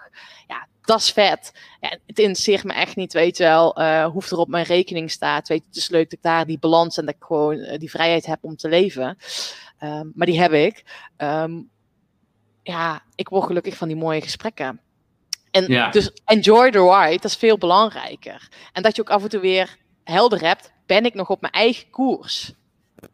En dat maar nemen we dus eigenlijk te, weinig, eigenlijk te weinig rust. Dat je gewoon, je, je, je moet eigenlijk pieken, weet je. En dat je, uh, dat je juist nog als je, ja, juist het laatste stukje van de top, heb je nog die extra energie nodig om, om die mooi te, te bereiken. En als je al helemaal vanaf beneden of aan alleen maar er tegenaan, tegenaan, tegenaan, zonder te rusten, kom je uitgeput, uitgeput bovenop die berg. En met peak performance is van we gaan er tegenaan, tegenaan, eventjes rustig. En weer tegenaan, tegenaan, eventjes ja. rustig. Ja. Dat. Ja. Dat, ja, en in de sport noemen ze dat ook periodisering. Dus hè, dan heb je een trainingsschema. Uh, hadden wij vroeger drie weken hard trainen, één week rust om weer bij te tanken, om je energiesysteem weer op te laden en dan weer door. Nou, weet je, dat het in het dagelijks leven doen we dat bijna helemaal niet. Het is altijd een beetje in het stramien, bam, bam, bam. En ja. ik zou heel erg willen uitdagen van, ja, weet je, je hebt ooit een week dat er minder uit je vingers komt. That's fine. En ook het stukje wat topsporters heel erg doen, op het moment dat ze toeleven naar een kampioenschap. Ik nam altijd extra rust, net voor het kampioenschap om dan optimaal te pieken. En dat noem je supercompensatie. En dat is in mijn ogen hè, een stukje van die berg, dat laatste stukje stijl. En dan moet je even toe doorbuffelen. Maar als je van tevoren al je tank leeg hebt, kom je nooit aan die berg. Dus dat mensen ook het gevoel hebben dat ze niet hun doelen realiseren of er niet komen. Waarschijnlijk staan ze altijd in tandje 6. En op het moment dat het nodig is, kunnen ze niet meer bijschakelen omdat ze hun energie al hebben opgebrand. Nou, en, dat is waarom ik echt geloof van ja, kap met high performance. Ga anders in de wedstrijd zitten, waardoor je dus naar die peak performance kan gaan. Ja, en bij de topsport wordt dit dus al gedaan. Dan wordt dus heel veel rust tussendoor genomen. Ja. Ja, ja. alleen van de topsport... 07 doen we het weer niet, hè? Nee. Waar, waar, we, waar we 60 uur per, per week mee te doen hebben. Ja, en wat we in de topsport wel vergeten is het luisteren naar ons gevoel. Hè? Dat wordt daar wel uitgeschakeld. Dus ik wil echt die topsportmentaliteit combineren met het luisteren naar je gevoel. En dat je ook gewoon, ja, dat hebben we allemaal, weet je, dat we af en toe uh, die, die verkramping zitten. Hè? Dus als jij in die verkramping zit en ik niet met het juiste gevoel op de fiets zit, dan blokkeer ik. En dat is bij jullie ook met, met het uh, kiten. Weet je, en dagelijks leven is dat ook. Dus neem dat gevoel ook zo serieus. Ja, nee, dus exact uh, ook met kitesurfen, weet je. Als je te gespannen bent, te gestrest bent. En wij willen natuurlijk hoog springen weet je, dan, eh, dan, ja, dan lukt dat gewoon niet. Dan, dan loop je zo te persen, maar dan is de techniek er niet, hè, waar we het in het begin mee hebben. Dus het gaat om fysiek, mentaal en techniek. Alleen dan kunnen wij hoger springen. Dan komen we boven die 10 meter. En of in het laatste geval 16 meter uh, sprong uh, dan. Ja. Maar wat, wat misschien wel heel erg waardevol is ook voor de luisteraars of kijkers nu. Um, wat mij heel erg helpt, um, en wat iedereen denk ik heel erg gaat helpen om uiteindelijk te kunnen performen op het moment dat je graag iets wil presteren. Of als je een keertje zegt hè, voor jezelf hebt van joh, ik wil um, uh, een initiatief voorstellen wat eigenlijk helemaal anders is anders, wat misschien wel spannend is. Ik visualiseer het altijd van tevoren. Dus ook een, hè, als ik technische manoeuvres op de fiets visualiseerde, ik wedstrijden visualiseerde, ik, hè, voor het kite is natuurlijk ook die sprong kan je al visualiseren. En dan ook vooral van, kan je dat technisch en mentaal kan je visualiseren, hoe wil je dat zijn, maar ook welke vibe wil je uitstralen. En dat doe ik ook echt als ik op podium sta. Ik sta vaak op podium te spreken. Van welke vibe sta ik op podium? En uh, ja, wat, wat voor impact wil ik maken? Dat ik dat van tevoren al, zeg maar, helder heb. En ook gewoon voel in mijn lichaam, zo sta ik er dan. En als je het van tevoren al mentaal traint of visualiseert, dan kan je dat op dat moment bewuster oproepen. En ik weet gewoon, ik herkende dus als ik een spannende acties zat qua techniek, bijvoorbeeld in mijn wedstrijden, dan voelde ik die spanning komen. En dan kon ik me heel makkelijk ontspannen. Omdat ik dit al getraind had. En ja, dat is ook in het dagelijks leven zo waardevol. Zo superkrachtig. Ja, en ik, ik weet nog dat ik dat als eh, kind eigenlijk al, uh, al deed. Gewoon onbewust natuurlijk, omdat ik zo'n grote passie had voor en nog steeds voor, uh, voor tennissen. En dan oh, wist ik dat ik alweer op zaterdag uh, competitie mocht gaan, uh, gaan spelen. Ik zat die wedstrijden al helemaal te, te visualiseren. Gewoon hoe, je dat, hoe ik het zou gaan aanpakken en, en, en, hoe ik zou gaan spelen. Het kwam er niet altijd uit, want ik was natuurlijk soms een beetje onrustig nog. Maar ik, ik, ik, deed dat wel gewoon, ja. ja. En, en, en ik denk dat ik dit met kitesurf ook heb gedaan, met die hoge sprong. Tuurlijk heb ik het eerst al uh, echt honderd dagen getraind natuurlijk. Hè? Ja. En, en, en, en super vaak gecrashed. Hè? Dus dat, dat is ook, dat ziet natuurlijk niemand. Iedereen ziet alleen maar die foto dat ik 16 meter boven de lucht hang. Maar ja, hoe vaak zijn we niet... Die week daarvoor maakte ik nog een klapper. Weet je, ja. durfde ik niet boven die 8 eh, meter te springen om bij windkracht 8. Maar ja. ik ben er toen wel weer inderdaad gaan visualiseren. Hoe wil ik het sprong? Hoe wil ik hem goed hebben? Dat ik precies goed en niet te ver doordraai. Uh, ik had hem al gemaakt. Ik wist het ja, al. Ja. Ik wist dat het kon. Ik wist het gewoon. Ja. En pas je dit ook toe in, in, je, in je werk? Uh, nou, met deze live shows doe ik dat steeds meer. Dat ik van tevoren dat al bedenk van hé, hey, uh, hoe gaat de live show zijn? En, en dan voel ik ook weer zo dat gevoel van oh, het gaat weer heel leuk worden, de live show. Ja. Ik heb er weer zin in. Terwijl je, ja. als ik dat niet zou doen, dan zou ik zoiets hebben van oh, ik vind het wel weer spannend. Oh, dit is weer een ja. live show. Oh, we moeten het weer goed doen. Gaat het weer allemaal goed? Dus dat probeer ik dan te vertalen naar van dat ik er energie van krijg. Dat ik er zin in heb. Van, het gaat een leuk gesprek worden. Ja, ja, ja, dus ja. Uh, ja, ik denk het wel. Ja, wat ik sterk en wat ik nog zelf doe, ik doe het zelf ook met mijn klantgesprekken natuurlijk. Um, maar ik tune ook bij mezelf in van hoe kan ik van waarde zijn vandaag voor mijn klanten. En dat ga ik van, van tevoren opschrijven. En echt zo bijzonder het zit altijd raak. Dus weet je, omdat je dus van tevoren al stilstaat bij die klant en even incheckt van oké, hoe ga ik vandaag van waarde zijn? Ik ga gewoon schrijven vanuit mijn gevoel. Eh, het is echt zo bijzonder dat iedere keer die klanten dan komen en dan komen ze met een vraagstuk en denk ja, dat wist ik al. dus je kan ook nog, uh, je kan dingen van tevoren ook al gewoon, uh, ja, ja, afstemmen. Dat is wel heel bijzonder. Ja, en dat klinkt heel gek natuurlijk. Dat klinkt bijna iets, iets zweverigs of zo. Maar ik denk stiekem heel veel mensen dit en ook bij de kijkers dat ze dit zelf ook wel eens hebben gevaren, uh, ervaren. En dat ja. het eigenlijk ook hierin weer is: ge, uh, geef jezelf toestemming om dat vaker te mogen ervaren. En je hoeft het niet allemaal goed te voorspellen, je moet het gewoon loslaten. En ja. dan, dan, dan komt het vanzelf en dan zit je inderdaad ja. veel beter uh, in je energie. Ja. ja, en kap met het labeltje zweverigheid. Want dit is gewoon niet, weet je, we hebben het allemaal. En we, we doen hè, spiritualiteit, zweverigheid. Wat is dat dan? Ja. wordt flink gebeld hier. Ja, ik hoor het. Ik denk post of iets. Maar in ieder geval, weet je wel, um, je mag gewoon vooral je energie volgen. Van waar word ik blij van? En kap als iets hè, waar je niet blij van wordt, dat je dan mag gaan schakelen. Dat is heel erg belangrijk. Ja, ja. Ja, Nicole gaat nu uh, open doen. Ik zag de postbode al. Uh, Ze zijn wel heel ongedurig. Dit is het belletje van kappen met zweverigheid. Hè? Zo onthouden we nou dit. dit. Dan gaat de ja. bel af. Gewoon. En hier had ik, ja. naast, ik zat straks op de fiets en toen dacht ik, oké, okay, ik heb alles ongeveer klaar. Ja, stel voor dat de bel maar niet gaat. en nou gaat hij bij mij. Nou, dankjewel Sanne, dankjewel. ik heb het al voor gevisualiseerd, ja. Ja. Een belangrijke post. Een belangrijke post. Oh, kijk, t-shirtje. hey, kijk eens. Heel belangrijk. Ja, die mochten, die mochten komen in de live show. die mochten komen. Ja. Superleuk. En, hadden we natuurlijk zo getimed met de postbode. Doe het even tijdens ja, de live show. Kunnen, kunnen we onze t-shirtjes uh, uh, even promoten tijdens uh, de live show. Is trouwens wel leuk voor de kijkers. Ehm, we hebben natuurlijk de Follow Your Wind lijn met Mission Possible. Als sport-t-shirt ook. die zijn al nog drie dagen geven we 15% voordeel. Ik zal het er eventjes bij pakken. Dit was niet gepland, maar ik denk, nou, dit is een mooi, mooi bruggetje. Maar op dit moment nog drie dagen. Mocht je willen aansluiten bij de Follow Your Wind beweging. en jezelf eigenlijk ook daarmee stimuleren. Bijvoorbeeld door een, een sport-t-shirt. We hebben een sport-t-shirt, Sanne, met Mission Possible. Weet je, omdat juist tijdens het sporten kun je net dat stapje extra zetten. Als je zegt, niet zegt van, ah, dat kan ik niet. Maar wij zeggen, wij kunnen dat wel. Dus Mission Possible. We hebben ook gewone t-shirts en we hebben ook de, de hoodie, wellicht voor, lekker voor in de, de, wind, de wintertijd. Uh, ja, volg je eigen wind, followyourwind.com, daar vind je de, uh, de webshop. Sanne, hoe kunnen mensen, jij, jij bent nu echt ook coach geworden.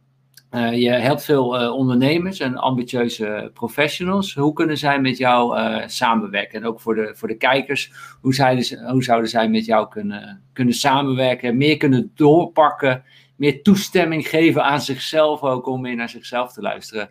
Kan je daar iets meer over vertellen? Nee, volgens mij het eerste waar je zelf toestemming voor mag geven is om mijn boeken aan te schaffen. Dat is stap 1. Nee. nee Inderdaad, uh, ze heeft een boek geschreven. Hè? Uh, het leven, dat is pas echt topsport. Ja, nee, ja, weet, weet ja. je, um, uh, ik, ik, zeg, jij zegt Sanne is coach. Weet je, ik zeg, ik, wat ben ik? Ik ben vooral Sanne, ik help mensen in beweging komen. En Uh, nou ja, wat toffe is, en heb ik denk ik ook speciaal voor vandaag, heb ik een mooie aanbod gemaakt voor een strategiedag. Um, wat ik, ik merk aan mezelf, daar heb ik wel eens gezegd van joh, ik heb online dat is niet helemaal mijn ding. Ik merk gewoon, ik vind het leukste om samen echt letterlijk in actie komen, te komen. Zodat je ook echt niet alleen een plan hebt, maar ook vanuit het juiste gevoel in beweging gaat komen. Um, dus uh, dat zou ik zeggen van ja, dat is een hele mooie manier om samen met beweging in te gaan. Dan gaan we samen de bossen in, gaan we samen uh, aan de slag, zodat wij echt gaan kijken van oké, okay, wat is jouw koers? Hoe ga jij? Ja, waar zit jij jezelf de handremmen te blokkeren? En hoe ga je die mindfix overwinnen? Um, mooi. Dus uh, dat is wel heel tof.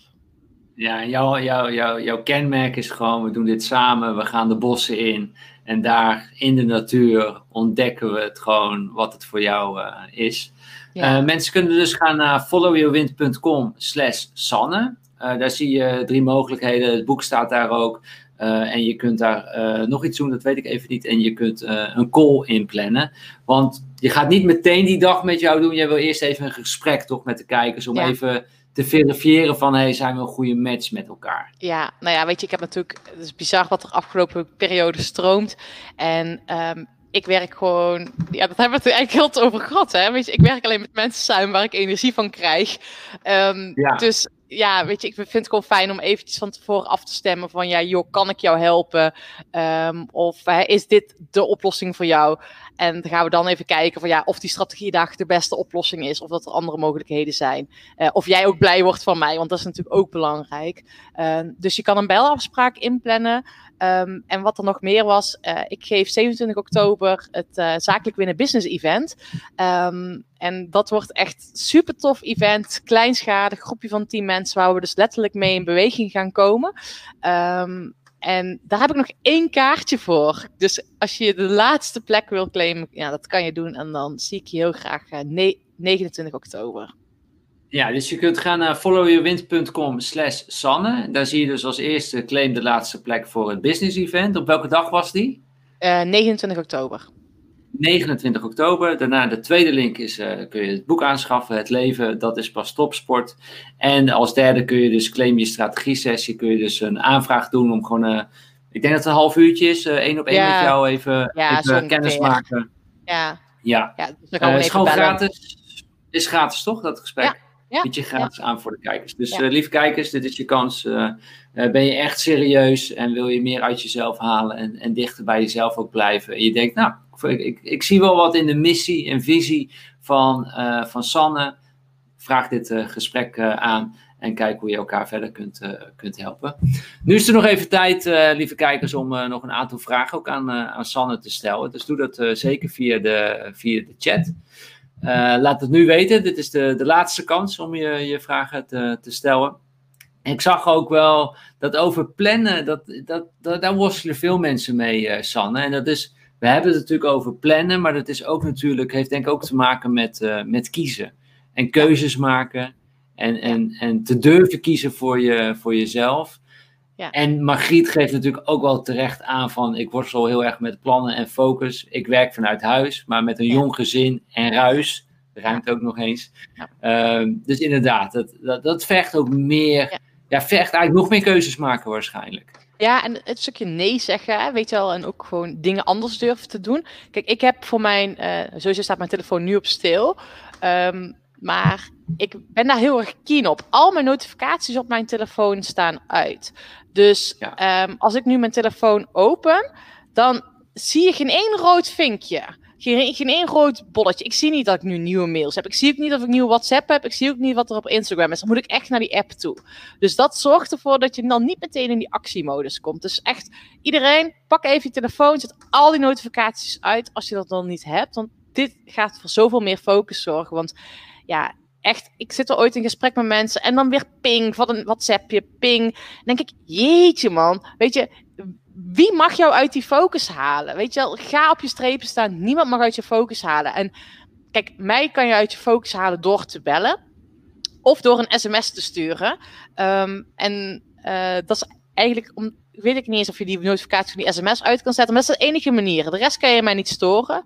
Ja. En wat ik ook zelf mee werk, en Margriet, volgens mij gaat het jou ook helpen.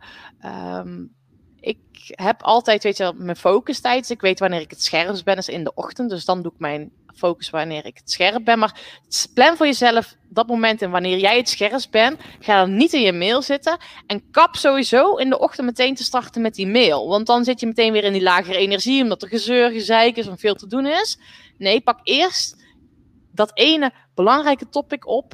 Uh, waar jij het meest energie van krijgt in de ochtend. Of wat nog afgehandeld moet worden. Waar je tegenaan hikt. Doe dat als eerste. En dan ga je door in de waan van de dag. Ja, helemaal mee eens. Ik zat even nog naar een eh, chat te kijken.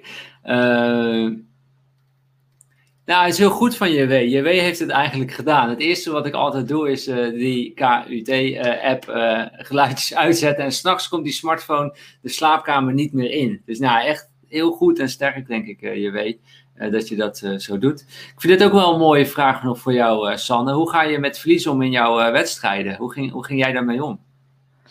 Ja, dat zei ik net al. Weet je, was echt wel learning. Um, en soms was ik wel, was ik dan verlies, was ik dan teleurgesteld. Natuurlijk was ik teleurgesteld, want anders ben je geen topsporter, weet je wel. Als je iets niet gered is, dan baal je en dan ben je gefrustreerd. Maar kon dat snel omzetten. En dat is denk ik met alles, weet je. Um, en in deze, als je, als je een teleurstelling hebt, je mag echt teleurgesteld zijn met, met ieder zijn verlies. Uh, geef jezelf ook echt toestemming van, joh, weet je, ik heb vandaag gewoon een baaldag omdat ik heb verloren of dat iets niet is gelukt. Of eh, wat ik heel vaak doe, weet je, ik geef mezelf daar vier uur de toestemming voor om dat te doen. Daarna is klaar. Um, en dat was dus met die wedstrijd ook, weet je wel. Uh, tijdens die wedstrijddag baalde ik ervan, dan is het klaar. Oplossing, modus, wat kan wel. Um, en dat is in de coronatijd ook, weet je wel. Heel veel bedrijven hadden op het begin heel veel shizzle om hem heen. Oké, je mag even balen. Baal zelfs, het is belangrijk dat je dat voelt. Dan kappen, oplossing, hoe kan het wel? Wat kan je anders doen? Wat, wat is er mogelijk? Wie kan je er helpen? Energie omzetten. Ja, mooi. En die, die tijdspannen, dat je daar uh, drie, vier dagen in blijft hangen, gewoon verkleinen naar vier uur. En ik denk dat dat ook steeds, uh, hoe meer je dat traint, hoe beter je erin wordt, hoe minder uh, tijd je eigenlijk nodig hebt om die omschakeling ja. dan te maken. Het is ook weer kwestie van trainen. Ja, dat is echt een mindset. Ja, want ik heb het pas nog zelf zo gehad. Um, um, net voordat ik op vakantie ging, of net, rondom de lancering van mijn boek, een super drukke periode geweest natuurlijk. En ik merkte af en toe ook, ik merk ik ben moe. Ik heb uh, gedurende een dag. En dan ging ik gewoon echt hier op de bank liggen. En dan zei ik echt zo letterlijk tegen mij: Oké, ik heb nu 15 minuten om even uit te rusten, om even bij te komen. Na 15 minuten ben ik weer energiek. Ik zette de wekker. En ik dacht elke keer, vond ik het meer als een grapje dan, weet je wel. Dan denk ik, ja. En dan stond ik op en ik, hé, hey, fuck, er is echt gewoon iets veranderd. Ik voel me energiek. Ja. Wauw. Dus je geeft jezelf toestemming om dat te doen. Je zet die mindset om, je geeft even de rust en dan ga je jezelf opladen. En dat is wel echt heel bijzonder. Ja, mooi. Trouwens, wat ik ook bijzonder vond, uh, Sanne, is dat jij hebt jouw uh, boek gelanceerd. Hè? Uh, het leven, dat is pas echt op sport. Maar dat heb je ook weer op een hele bijzondere manier gedaan, zag ik. Hè, waarin de meeste boeklanceringen, je gaat met z'n allen naar een gebouwtje toe, je gaat daar binnen zitten, er is een spreekster en dan uh, worden de, de boeken, wordt iets over verteld. Uh, maar voor jou, degene die jij had uitgenodigd of die naar jouw boeklancering uh, mochten komen, was het toch niet zo makkelijk om de locatie te bereiken, toch? Nee, nee, nee. Ik, ik had ze een, gewoon een straatnaam doorgegeven en daar moesten ze naartoe komen. En toen had ik een soort van, nou, had ik een hindernisbaan gebouwd. Want hè, het leven, dat is pas topsport. Je moet obstakels overwinnen, je moet uit je comfortzone komen. Um, nou, dat staat allemaal metafoor voor mijn boek. Dus ik dacht, ja, hoe kan ik het anders doen dan anders? Hoe kan ik het op mijn manier doen? Hoe kan ik het doen zodat ik er energie van krijg? Nou ja, en het was toen ook nog eens net, uh, zeg maar, 1, 1 juli werd mijn boek uh, gelanceerd. 4 juli, had ik, 4 juli had ik dat evenement. Dat was de eerste. Vanaf 1 juli gingen alle coronamaatregelen eraf. Het was de eerste keer dat je met 100 man bij elkaar mocht zijn. Maar ik vond dat nog wel iets van, ja, dat kan je niet binnen doen in mijn ogen. Of niet met mijn, wat ik uit wil stralen. Dus toen is dit evenement voorbij gekomen. Dat ze echt, uh, ja, mijn ouders die wonen op een boerderij en daar had ik iedereen ontvangen. En dan moesten ze door een natuurgebied heen, mooie wandeling. Um, door het water, uh, zwieren over de sloot. Ja, super vet. Ja, maar ik vind het ook mooi, ook de metafoor, weet je. Ja, het leven zit vol hindernissen en de vraag is hoe ga je daarmee om? En ja. in dit geval zag ik ook, ik zag ook het beeldmateriaal. Het is ook, uh, mensen gingen hier ook samen de hindernissen doen, snap je? Dat is ja. ook natuurlijk heel mooi. Om het ook in het leven weer samen te doen. Dus ik vond het heel mooi om dat zo te zien. Ik zag nog een andere vraag ook in de chat voorbij komen. Dat vind ik ook wel interessant. Je, je, je hebt natuurlijk naast dat veldrijden ook een studie gedaan. Wel, welke studie had je gedaan? Ik heb mijn bachelor bedrijfsconsumentwetenschappen gedaan. En toen mijn master management en economics.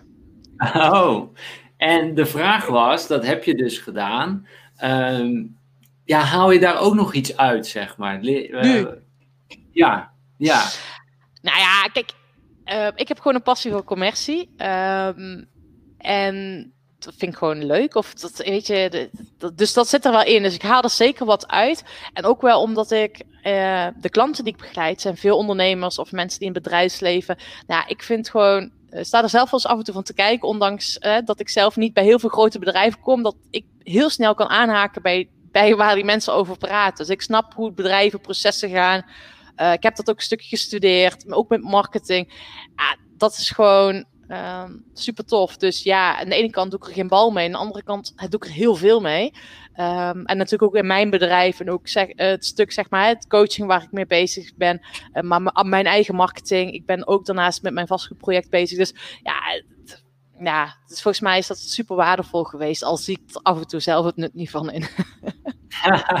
en willen we het misschien ook niet zien. En willen we nee. de stoere de andere kant. Maar ja, het is je niet voor niets denk ik ook overkomen. Weet je, het veldrijden in combinatie met uh, je studie. Uh, dat was de hindernis. Daar heb je weer van geleerd. Het is nu ook weer een heel mooi verhaal natuurlijk in je, in je storytelling. Ja, uh, en nu stiekem, stiekem gebruik je het toch weer wel met de weg die je nu bent ingeslagen. Ja. ja, en dat, dat vind ik, wel mooi. Ja, ik zie dat eigenlijk bij mezelf ook terug. Want ik heb dus een uh, IT-opleiding. Um, en eigenlijk ook nooit iets mee gedaan omdat ik voor mezelf ben uh, uh, begonnen. Maar toch, ja, ik ben natuurlijk wel heel erg online, weet je. En ik help mensen ja. nu met webinars geven. Ik heb ja. een didactische vaardigheden opleiding gedaan. Dus nu ja. dat ik me zo concentreer als, ik help mensen nu met webinars geven. Ik ben de, je webinar buddy, dat is mijn dienst die ik heb zie ik dat na tien jaar valt dat toch weer samen. Van hé, hey, ik heb een IT-opleiding, dus ik regel die techniek zo. Uh, ja. Didactisch snap ik ook hoe je een webinar moet opzetten. Ik snap ja. ook hoe je eruit kunt verkopen. Uh, er vallen toch weer een aantal puzzelstukjes dan uiteindelijk weer in elkaar, waar je in het begin wellicht de, het nut niet van uh, inzag. Nee. Ja, dat is wel hoe vaak dingen werken. En ook over energie en passie. Weet je, ergens vindt dat ze weg hoe dat zich bindt. Alleen, um, het is denk ik ook wel. Ja, we hebben weer over toestemming. Jezelf toestemming geven dat je niet soms meteen het concreet voor je ziet. Maar dat je een zaadje plant. Ik, hè, ik ga dit nu doen omdat ik er energie van krijg. Hoe het vervolgens op je pad belandt. Soms zie je dat, nou soms, meestal zie je dat op het begin nog niet. Um, en dat is wel het mooie van durf de eerste stap te zetten. En wie weet wat eruit gaat komen. Ja, ja, maar dit is, het leven is gewoon te kort om jezelf geen toestemming te geven. Laten we dat ook maar meteen duidelijk maken. Ja. Uh, weet je, het is, het is, niet bedoeld het leven om je gewoon naar de kloten te wekken en, en, iets te doen waar je geen zin in hebt, weet je. Dus ja, het is gewoon niet, het is gewoon niet nodig. En mensen die wel jouw passie doen, en die, die kunnen daar soms wel van ook van leven, snap je? Dus het is, het is, het is veel meer mogelijk dan we, uh, dan we denken. Ja. Uh, lieve kijkers, ik ben even benieuwd, wat hebben jullie uh, geleerd uit deze live show? Wat neem je mee naar huis? Laat het even weten in de, in de chat ook aan, aan ons. En dan zullen wij ook nog twee boeken ver, verloten onder de, de kijkers. Dus laat eventjes weten in de chat. wat heb je opgestoken? Wat neem je mee naar huis? Leuk als je dat even deelt gewoon in de, ja, in de, in de chat met ons. Ik ben heel erg benieuwd wat je hebt, hebt opgestoken. Dus laat dat uh, weten. Ik zit even te kijken ook uh, naar JW. Die zegt zelf scheikunde gedaan en een, een mastertitel. Heb je in het echte leven niet heel veel aan. Iets van 10% maar. Ben nu ICT'er. De Universiteit van het Leven is veel mooi. belangrijker. Nou, dat is heel mooi gezegd, uh, ja. JW. En wat onwijs tof dat je hier weer bij de live show bent, JW, als, als trouwe kijker. JW verontschuldigt zich ook dat hij iets later inlogde dan normaal. Maar top dat je er bent. Eh, je weet, je bent er wel. Dus laat even in de, in de chat weten. Uh, wat heb je opgestoken van deze, deze live show? Uh, stuur dat in de, in de, in de chat naar, uh, naar ons. En dan zullen wij ook nog twee, ja, twee boeken gaan verloten onder de, de live kijkers. We hebben natuurlijk ook al hele leuke reacties gehad, hè, Sanne, Ja, van, de, ja, ja. eh, van de kijkers. Laten we daar zo nog eventjes naar, eh, eh, naar kijken. Ik vond het ook wel heel bijzonder in een ander interview hoe jij naar eh, talent kijkt. Want is talent, is dat nou aangeboren of kun je talent nou kweken? Kan je dat leren? Hoe, hoe kan je jouw visie daarop op delen? Nou ja, ehm, ik denk dat, het, dat je talent kan trainen.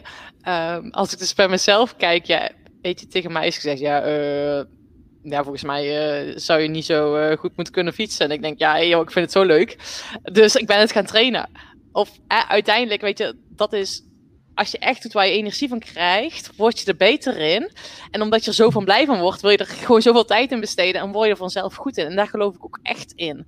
En dat wil niet zeggen dat iedereen topsport kan doen. Ehm, maar ja, weet je, je hebt natuurlijk bepaalde talenten, hè, zeg maar, fysieke kwaliteiten voor nodig. Maar ook dat denk ik dat dat overschat is. Ehm, dus als het in je mind, als je iets heel graag wilt, kan je veel meer dan dat het aangeboren is. Alleen ja, het is een kwestie van ook gewoon echt, ja, dat gaan doen wat je leuk vindt. Ja, dus dat, dat vuurtje moet er al wel zijn, weet je. Als dat Ja, vuurtje ja. eh, aan is, dan ga je er ook geen talent voor Nee. krijgen. Maar dus jij Nee, denkt heel erg dat, dat talent ook eh, een spier is die je kunt ontwikkelen. Ja, ja. Kijk, ik kan misschien wel een talent hebben voor piano spelen, maar ik vind er geen bal aan. Ja, eh, ben, ik, ben ik dan een talent? Nee, want ja, eh, ik heb er nooit tijd, die voldoende tijd en energie in steken dat ik er daar succesvol in word. Ik denk dat het talent is eh, dat iedereen het talent mag trainen om ervoor te kiezen om datgene te doen waar ze energie van krijgen. Kijk, en dan ga je dus je talent ontwikkelen. En dan ga je ook ontdekken van, ja, ben je er goed in? Ja, en ehm, ja, het is ook een illusie dat eh, je per se moet presteren en uitstekend moet performen om er gelukkig van te worden. Of om er blij van te worden. Want dat is Ja, niet kijk, nodig. ik- Nee, maar kijk, ik, ehm, ik heb ook niet die ambitie om met eh kitesurfen de, eh, de beste van de wereld te, te worden, zeg maar. Dat is niet, niet mijn doel. Wat ik wel heel erg mooi zou vinden, is om met kitesurfen mensen heel veel te inspireren, omdat het heel vaak een metafoor voor het leven is. Weet je, dat dus, het is best wel een gevaarlijke sport. Eh, dus je moet heel vaak uit je comfortzone. En als je dat dan weer doet, zeg maar, dan, dan voel je weer dat, dat ja, ook al een bepaald Adrenaline, geluksmomentje, een overwinning, een eh, adrenaline. En eh kitesurfen kan je niet alleen. Weet je, ik heb gewoon een hele goede leraar nodig gehad om, om dit mij te leren, omdat het gewoon te gevaarlijk was. En dat, dat zie ik ook weer terug in het leven. Het leven doe je ook niet alleen. Je hebt gewoon coaches nodig. Je hebt. Om je blinde vlek te zien. Ja. Ehm, dus ik Maar zou het heel mooi vinden om daar. eh, eh, ik hoef niet de beste van de wereld te worden, maar ik kan daar wel heel veel mensen mee inspireren. En ik denk zelfs dat er op een gegeven moment gewoon een sponsor naar ons toe komt. En, Ja. en, en dan verdien je nog eens ook nog eh, geld met je passie, zeg Ja. maar. Maar weet je wat mooi is? Maar het is ook afhankelijk van wat is jouw drive om iets te doen. Kijk, jouw drive is om er anderen mee te inspireren. Maar misschien, hè, misschien is het nu ook wel niet jouw drive om de beste van de wereld te worden. ehm, omdat je hè, het nog vrij recent mee bent begonnen. Maar ehm, als jij bijvoorbeeld al vanaf jongs af aan, dat jij dus bij je ouders op de camping, in plaats van dat je op een zeilboot ging, dat je misschien was gaan kiten, ehm, Ja. had je misschien wel die drive gehad om de beste van de wereld te worden. Ehm, Dus het is ook zo van met welke intentie ga je iets doen en ehm, zet je iets neer. En dat is alles bepalend hoe ver je gaat ontwikkelen. Ehm, voor sommige mensen is ook die, ken, die fietsen gewoon voor hun lol. Dat is prima, dat is prima. Hebben ze talent voor het fietsen? Ja, eh, misschien wel, maar hun drive is niet groter. En dat is ook prima. Dus ja, het Ja. is van allerlei factoren afhankelijk. Ja, ja, en dan ontwikkel je talent niet verder. En wat ik bedoel Nee. te zeggen, je hoeft niet altijd de beste van de wereld te zijn, maar we kunnen wel de beste zijn eh, voor een bepaald merk of zo dan, Ja. zeg maar. Ja, Eh, maar of het beste van jezelf, weet je wel. Gewoon voor jou. Hè? Als je je eigen spelregels bepaalt, win je altijd. Ja, en dat vind ik ook mooi. Jij hebt het altijd over je eigen eh, spelregels eh, bepalen. En dat, dat zie ik ook terug dat jij dat zelf ook echt doet. Je bent dus gewoon een maand op vakantie geweest. Gewoon, hup, een maand ga je gewoon weg. En dat, dat versta je dus ook onder je eigen spelregels eh, bepalen. Ja, ja. En, Ja, en waar kunnen mensen dat nog meer doen? Hun eigen spelregels bepalen. Want ergens voel ik ook dat stemmetje van ja, eh, makkelijk praten, ondernemer. eh, ik kan dat niet zo, zeg maar. Hè? Ja, ja, ja, ja. Nou ja, het is dus van, je, van hoe wil je je leven inrichten. Net als straks was Margriet volgens mij ook met plannen. Ook je eigen spelregels. Van ja, hè, ligt je telefoon wel bij bij je als je aan het werk is. Ook een heel simpele spelregel. Um, of van waar word jij blij van? Hè? Mijn, een van mijn spelregels als ik mensen bel um, en ik hoef niet te schrijven, ben ik aan het wandelen. Dat is gewoon een spelregel, heel simpel. Maar ook van waar word ik blij van? Van het fietsen. Nou ja, ik wil gewoon twee keer overdag, uh, minimaal in de week, ook overdag fietsen. Nou ja, daar, het wordt ja. vaak winter, dan ga ik dat ook uh, nog meer doen. Um, dus dat zijn allemaal spelregels. Dus waar word jij blij van? En wat zou je graag meer willen gaan doen? Dat zijn als het ware gewoon afspraken met jezelf. Uh, die je als het ware heel bewust helder hebt. Um, ik had net ook een van mijn klanten en uh, hij uh, is ook aan de slag van hoe kan ik nog meer vanuit mijn gevoel handelen. En hij kreeg de opportunity om een directeurspositie binnen een bedrijf, hè, om aandelen te kopen binnen een bedrijf. En ja, voor het ego van hem werd dat heel vet gestreeld. Uh, want hij hij werd gevraagd als directeur binnen, binnen een uh, super tof bedrijf. Maar zijn gevoel was meteen: nee, weet je, dit is niet mijn pad. Hij heeft een adviseursbureau en nou, daar is hij een heel ander pad. En hij voelt gewoon, ondanks dat zijn ego, yes, de gaaf complimentje. Ja. Dat, hij, dat hij voelt van nee. En hij zegt, omdat ik mijn spelregels zo helder heb, dat ik gewoon op basis van mijn gevoel die keuze mag maken, dat ik me trouw mag blijven aan mijn pad, in plaats van dat ik door een ander laat leiden Status. Ja, status. En omdat hij dus voor, wij zijn samen aan de slag gegaan, wat voor hem belangrijk is, kon hij gewoon meteen in één telefoongesprek, hetzelfde telefoongesprek, kon hij zeggen: Super tof dat je me vraagt, maar dat past niet bij mijn persoonlijke strategie. Ik ga een andere richting op en ik ben echt vereerd. En ja, maar wil je toch niet een kop koffie komen drinken? Nee, dit is mijn keus en dit past niet. Maar hij zei: In het verleden had ik gewoon gezegd: ja, we doen wel een kop koffie. Maar hij voelde al meteen nee. Gaat ook nog tijd en energie erin investeren, weet je wel. Nou, en nu is hij meteen duidelijk en is het opgelost. Hij is er zo blij om. En dat is ook een spelregel. Ja, vind ik mooi die spelregels. En, en uh, nu zat ik er nog even over na te denken. Uh, dat Nicole en ik dat stiekem eigenlijk al, uh, al heel veel doen. Want wij, wij zeggen altijd van eerst je lifestyle bepalen en daaromheen je bedrijf creëren. Eerst je ja. lifestyle, dan kijken hoe je daar geld voor kunt regelen. In plaats van wat de meeste mensen doen van nou, dit is mijn werk. Wat blijft er nog over van mijn lifestyle? Ja. En dan, ja, wat jij ook zegt, die, ja, eerst die lifestyle bepalen. Dat is wat jij heel mooi zegt, gewoon eerst jouw eigen spelregels bepalen. Nou, voor ons is dat er één dat we kunnen reizen, dat we locatie onafhankelijk kunnen werken, bijvoorbeeld. Hè? Dat is zo'n zo'n spelregel. Ja. En, ja. en, en, en nu door de corona worden Nicole en ik ook gedwongen om creatiever te zijn en op een andere manier dat nog steeds te faciliteren. En dan is die call, weet je, we hebben die spelregels. Kijk, we kunnen natuurlijk van alles gaan doen, hè. En, maar we hebben die spelregels locatie onafhankelijk. Nicole is nu de uh, video-editor. Dus die doet gewoon ja. voor heel veel klanten doet zij, uh, video-editing. Gewoon de ja. video's bewerken. En ik ben de webinar buddy. Ja. we kunnen dit alle twee gewoon op afstand doen. Locatie onafhankelijk. Past helemaal in onze spelregels. Het is onze passie. Want Nicole is al, al jaren met video's bezig. Ik ben al sinds 2009 met webinars bezig. Weet je, dus dat is ook, zit weer in onze spelregel. Ja, dus dat is, dat, dat, is mooi dat je het zegt, alleen je moet dat... Ja. We hebben het ook maar ontdekt door te gaan doen, allerlei dingen die we niet leuk vonden en wel leuk vinden. En dan weet je steeds beter en scherper je spelregels. En merk ik, wordt het ook steeds makkelijker om ja of nee te zeggen. Want je weet het gewoon.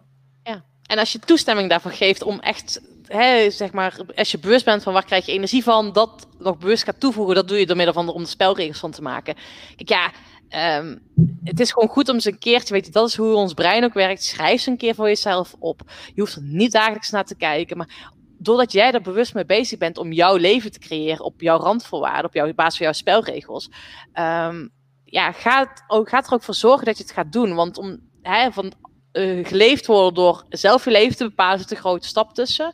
Ja, en dat is belangrijk dat je hierin de stapjes gaat zetten. Dus zet het een keer op papier, dat is slim. Ja, geweldig. Uh, Sanne, ik wil je echt super bedanken voor, uh, voor je tijd en alle inzichten die je met, met ons hebt gedeeld. We hebben natuurlijk nog twee, twee boeken te verloten. Ik zag al wat chatberichten binnenkomen. Zoals uh, Margriet die zegt, uh, geleerd, duidelijke keuzes maken, plannen in blokken, meer nee zeggen tegen anderen, meer ja tegen mezelf. Gevoel plus mind, nog meer inzetten. Plannen kan ook op een creatieve manier. Ja, heel mooi, uh, Margriet. Egbert zegt energie managen. JW zegt geleerd schakeltijd voor jezelf nemen en niet te hard rennen. Vind ik ook een hele mooie. Krippel geeft nog aan, super bedankt Sanne. Ron die geeft nog aan, het is altijd gaaf om iemand te horen die gepassioneerd is.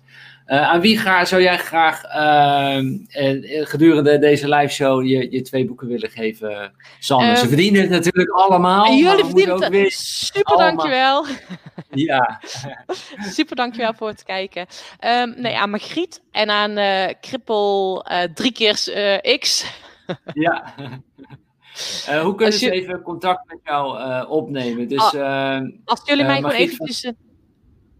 Zeg maar. als, als jullie gewoon een mailtje naar mij toesturen, sanne.sanneverpaasen.nl uh, of via Instagram even een berichtje sturen met jullie adres, dan zorg ik dat de boeken naar jullie toe komen. Oké, dus uh, Krippel en Margriet, neem even contact op met, uh, met Sanne. En dat uh, doet me meteen nog denken aan een, een, het Instagram-momentje wat we altijd tijdens de live show hebben, Sanne. ik heb hier ook jouw Instagram er even bijgezet. Dus, dus apenstaartje Sanne van Pasen. Wat we altijd met z'n allen doen, jullie weten het natuurlijk, kijkers. We maken altijd nog even een Instagram-fotootje. Dus iedereen, pak even je telefoon erbij. maak een foto van de live show en deel het op, op Instagram. Je kunt ons taggen, apenstaatje Nicole Stijn en apenstaatje Sanne van Pasen. Hartstikke leuk dat je dat zou willen doen. En zet er natuurlijk een leuk tekstje bij dat je de live show aan het kijken bent. Of dat je wat je geleerd hebt vandaag, wat je meeneemt. komt die Sanne? Fotootje. En lieve kijkers, jullie mogen ook een fotootje maken en kunnen die ook uh, delen met, uh, met ons. En uh, we gaan nog twee boeken verloten. Dus we hebben er al twee verloot. die gaan naar Krippel en naar Margriet. Hoe kan, kun je een aanmerking komen voor de volgende twee boeken? Onder deze video, onder de comments op, op, of in de comments van, van YouTube. Laat daar ook een reactie achter op deze video. Bijvoorbeeld met wat heb je geleerd uh, van deze live show. Laat dat dus weten onder de video in de comments. Dus niet in de live chat, maar echt onder de comments onder deze video. En dan gaan wij uh, deze week daar ook iemand uh, uit selecteren. die de andere twee boeken nog gaan, gaan krijgen. Ehm, dus leuk als je dat zou willen, willen doen. Kun je onder deze video doen. Onder de comments. En natuurlijk dankjewel als je de video ook een, een duimpje omhoog wilt geven. Dat helpt altijd met het algoritme in YouTube. En komt deze kennis gewoon bij meer mensen terecht. En ik denk, ja, hoe meer mensen dit weten, hoe meer mensen dit weten die in jouw omgeving zitten, hoe leuker het wordt voor ons allemaal. Dus je mag deze video ook, ook zeker delen. eens even kijken, wat hebben we nog meer? Oh ja, volgende week hebben we natuurlijk weer een, een nieuwe live show. Volgende week vrijdag 16 oktober. En uh, gaan we het hebben over van een 70-urige werkweek naar een 20-urige werkweek. Daar gaan we het uh, over hebben.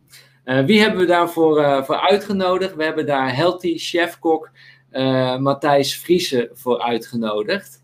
En je zou denken, hè, een chefkok, gaat die dan vertellen over een 70-urige werkweek naar een 20-urige werkweek? Maar het is wel een heel bijzonder verhaal wat Matthijs heeft. Want Matthijs uh, die werkte dus echt als chefkok in een restaurant. Daar werk je gewoon 70 uur.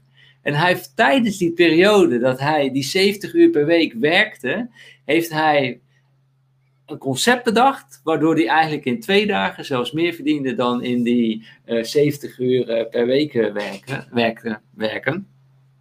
Uh, dus dat is ook weer hoe creatief hij daarin is en hoe mooi en dat ook alles weer mindset is. Hij was toen nog steeds chefkok, maar twee dagen in de week in plaats van uh, ja, vijf tot zes dagen in, in de week. En we gaan het met, met veel meer dingen over hem hebben. Want hij is, Matthijs Vries is ook tv-chefkok. Hij, is, heeft tien programma's gemaakt op, op tv. Onder andere op RTL 4 en NPO. We zijn natuurlijk heel benieuwd hoe hij op, op tv is gekomen. Hij heeft zelf meer dan 500.000 kookboeken uiteindelijk ook verkocht. En verkoopt hij nog, uh, nog steeds, zijn, zijn boeken worden nog steeds uh, gekocht. voor zijn online cursus Healthy Chef heeft hij 25.000 cursisten aangetrokken. en hij helpt nu tegenwoordig ook ondernemers om zakelijk te vlammen zonder op te branden. Dus we blijven in het kookthema daarmee ook. Uh, ik denk weer een heel inspirerend verhaal voor, uh, voor iedereen met uh, Matthijs Vriezen. Dus volgende week, je kunt je straks weer, weer aanmelden. followyourwind.com slash liveshow. En dan kun je je aanmelden voor de show met Matthijs. Dat was het voor nu. Sanne, ik wil jou super bedanken voor, ja, voor deze live show. Het was echt te gek. Je hebt mezelf ook weer, weer inzicht gegeven. Hoe ik mezelf ook weer meer toestemming mag geven om ja, echt in mijn energie gewoon te werken. En dus daar ga ik, ja, ga ik nog meer ja, toestemming voor geven. En mezelf het ook nog meer gunnen, weet je. Net als gisteren al een beetje stressvolle dag gewoon. Dan ga ik gewoon beter regelen. En, en, en meer sporten tussendoor. En meer dat ommetje maken. En het gaat niet om hoeveel uur je achter die computer zit. Maar het gaat meer om hoe creatief je bent. En dan kan het in veel minder uur. Zo is um, dat. Ja, ja, en met dus, welke uh, energie je dingen doet. Want dat is denk ik belangrijk, weet je. Juist, juist. Dus uh, het kwam precies op het juiste moment. Dank je wel uh, daarvoor. En uh, alle kijkers ook jullie super bedankt dat jullie hier weer aanwezig waren en voor het stellen van jullie uh, vragen. En ik zou zeggen tot, uh, tot volgende week. Ciao, ciao. Doei. Ciao, ciao. Sanne blijft nog even hangen, want als vriend van de show geven we je nog even een Follow Your Wind t-shirt. Dus die kunnen we even samen gaan uitzoeken. Tof. Yes? Leuk. Ciao, ciao. Fijn weekend iedereen.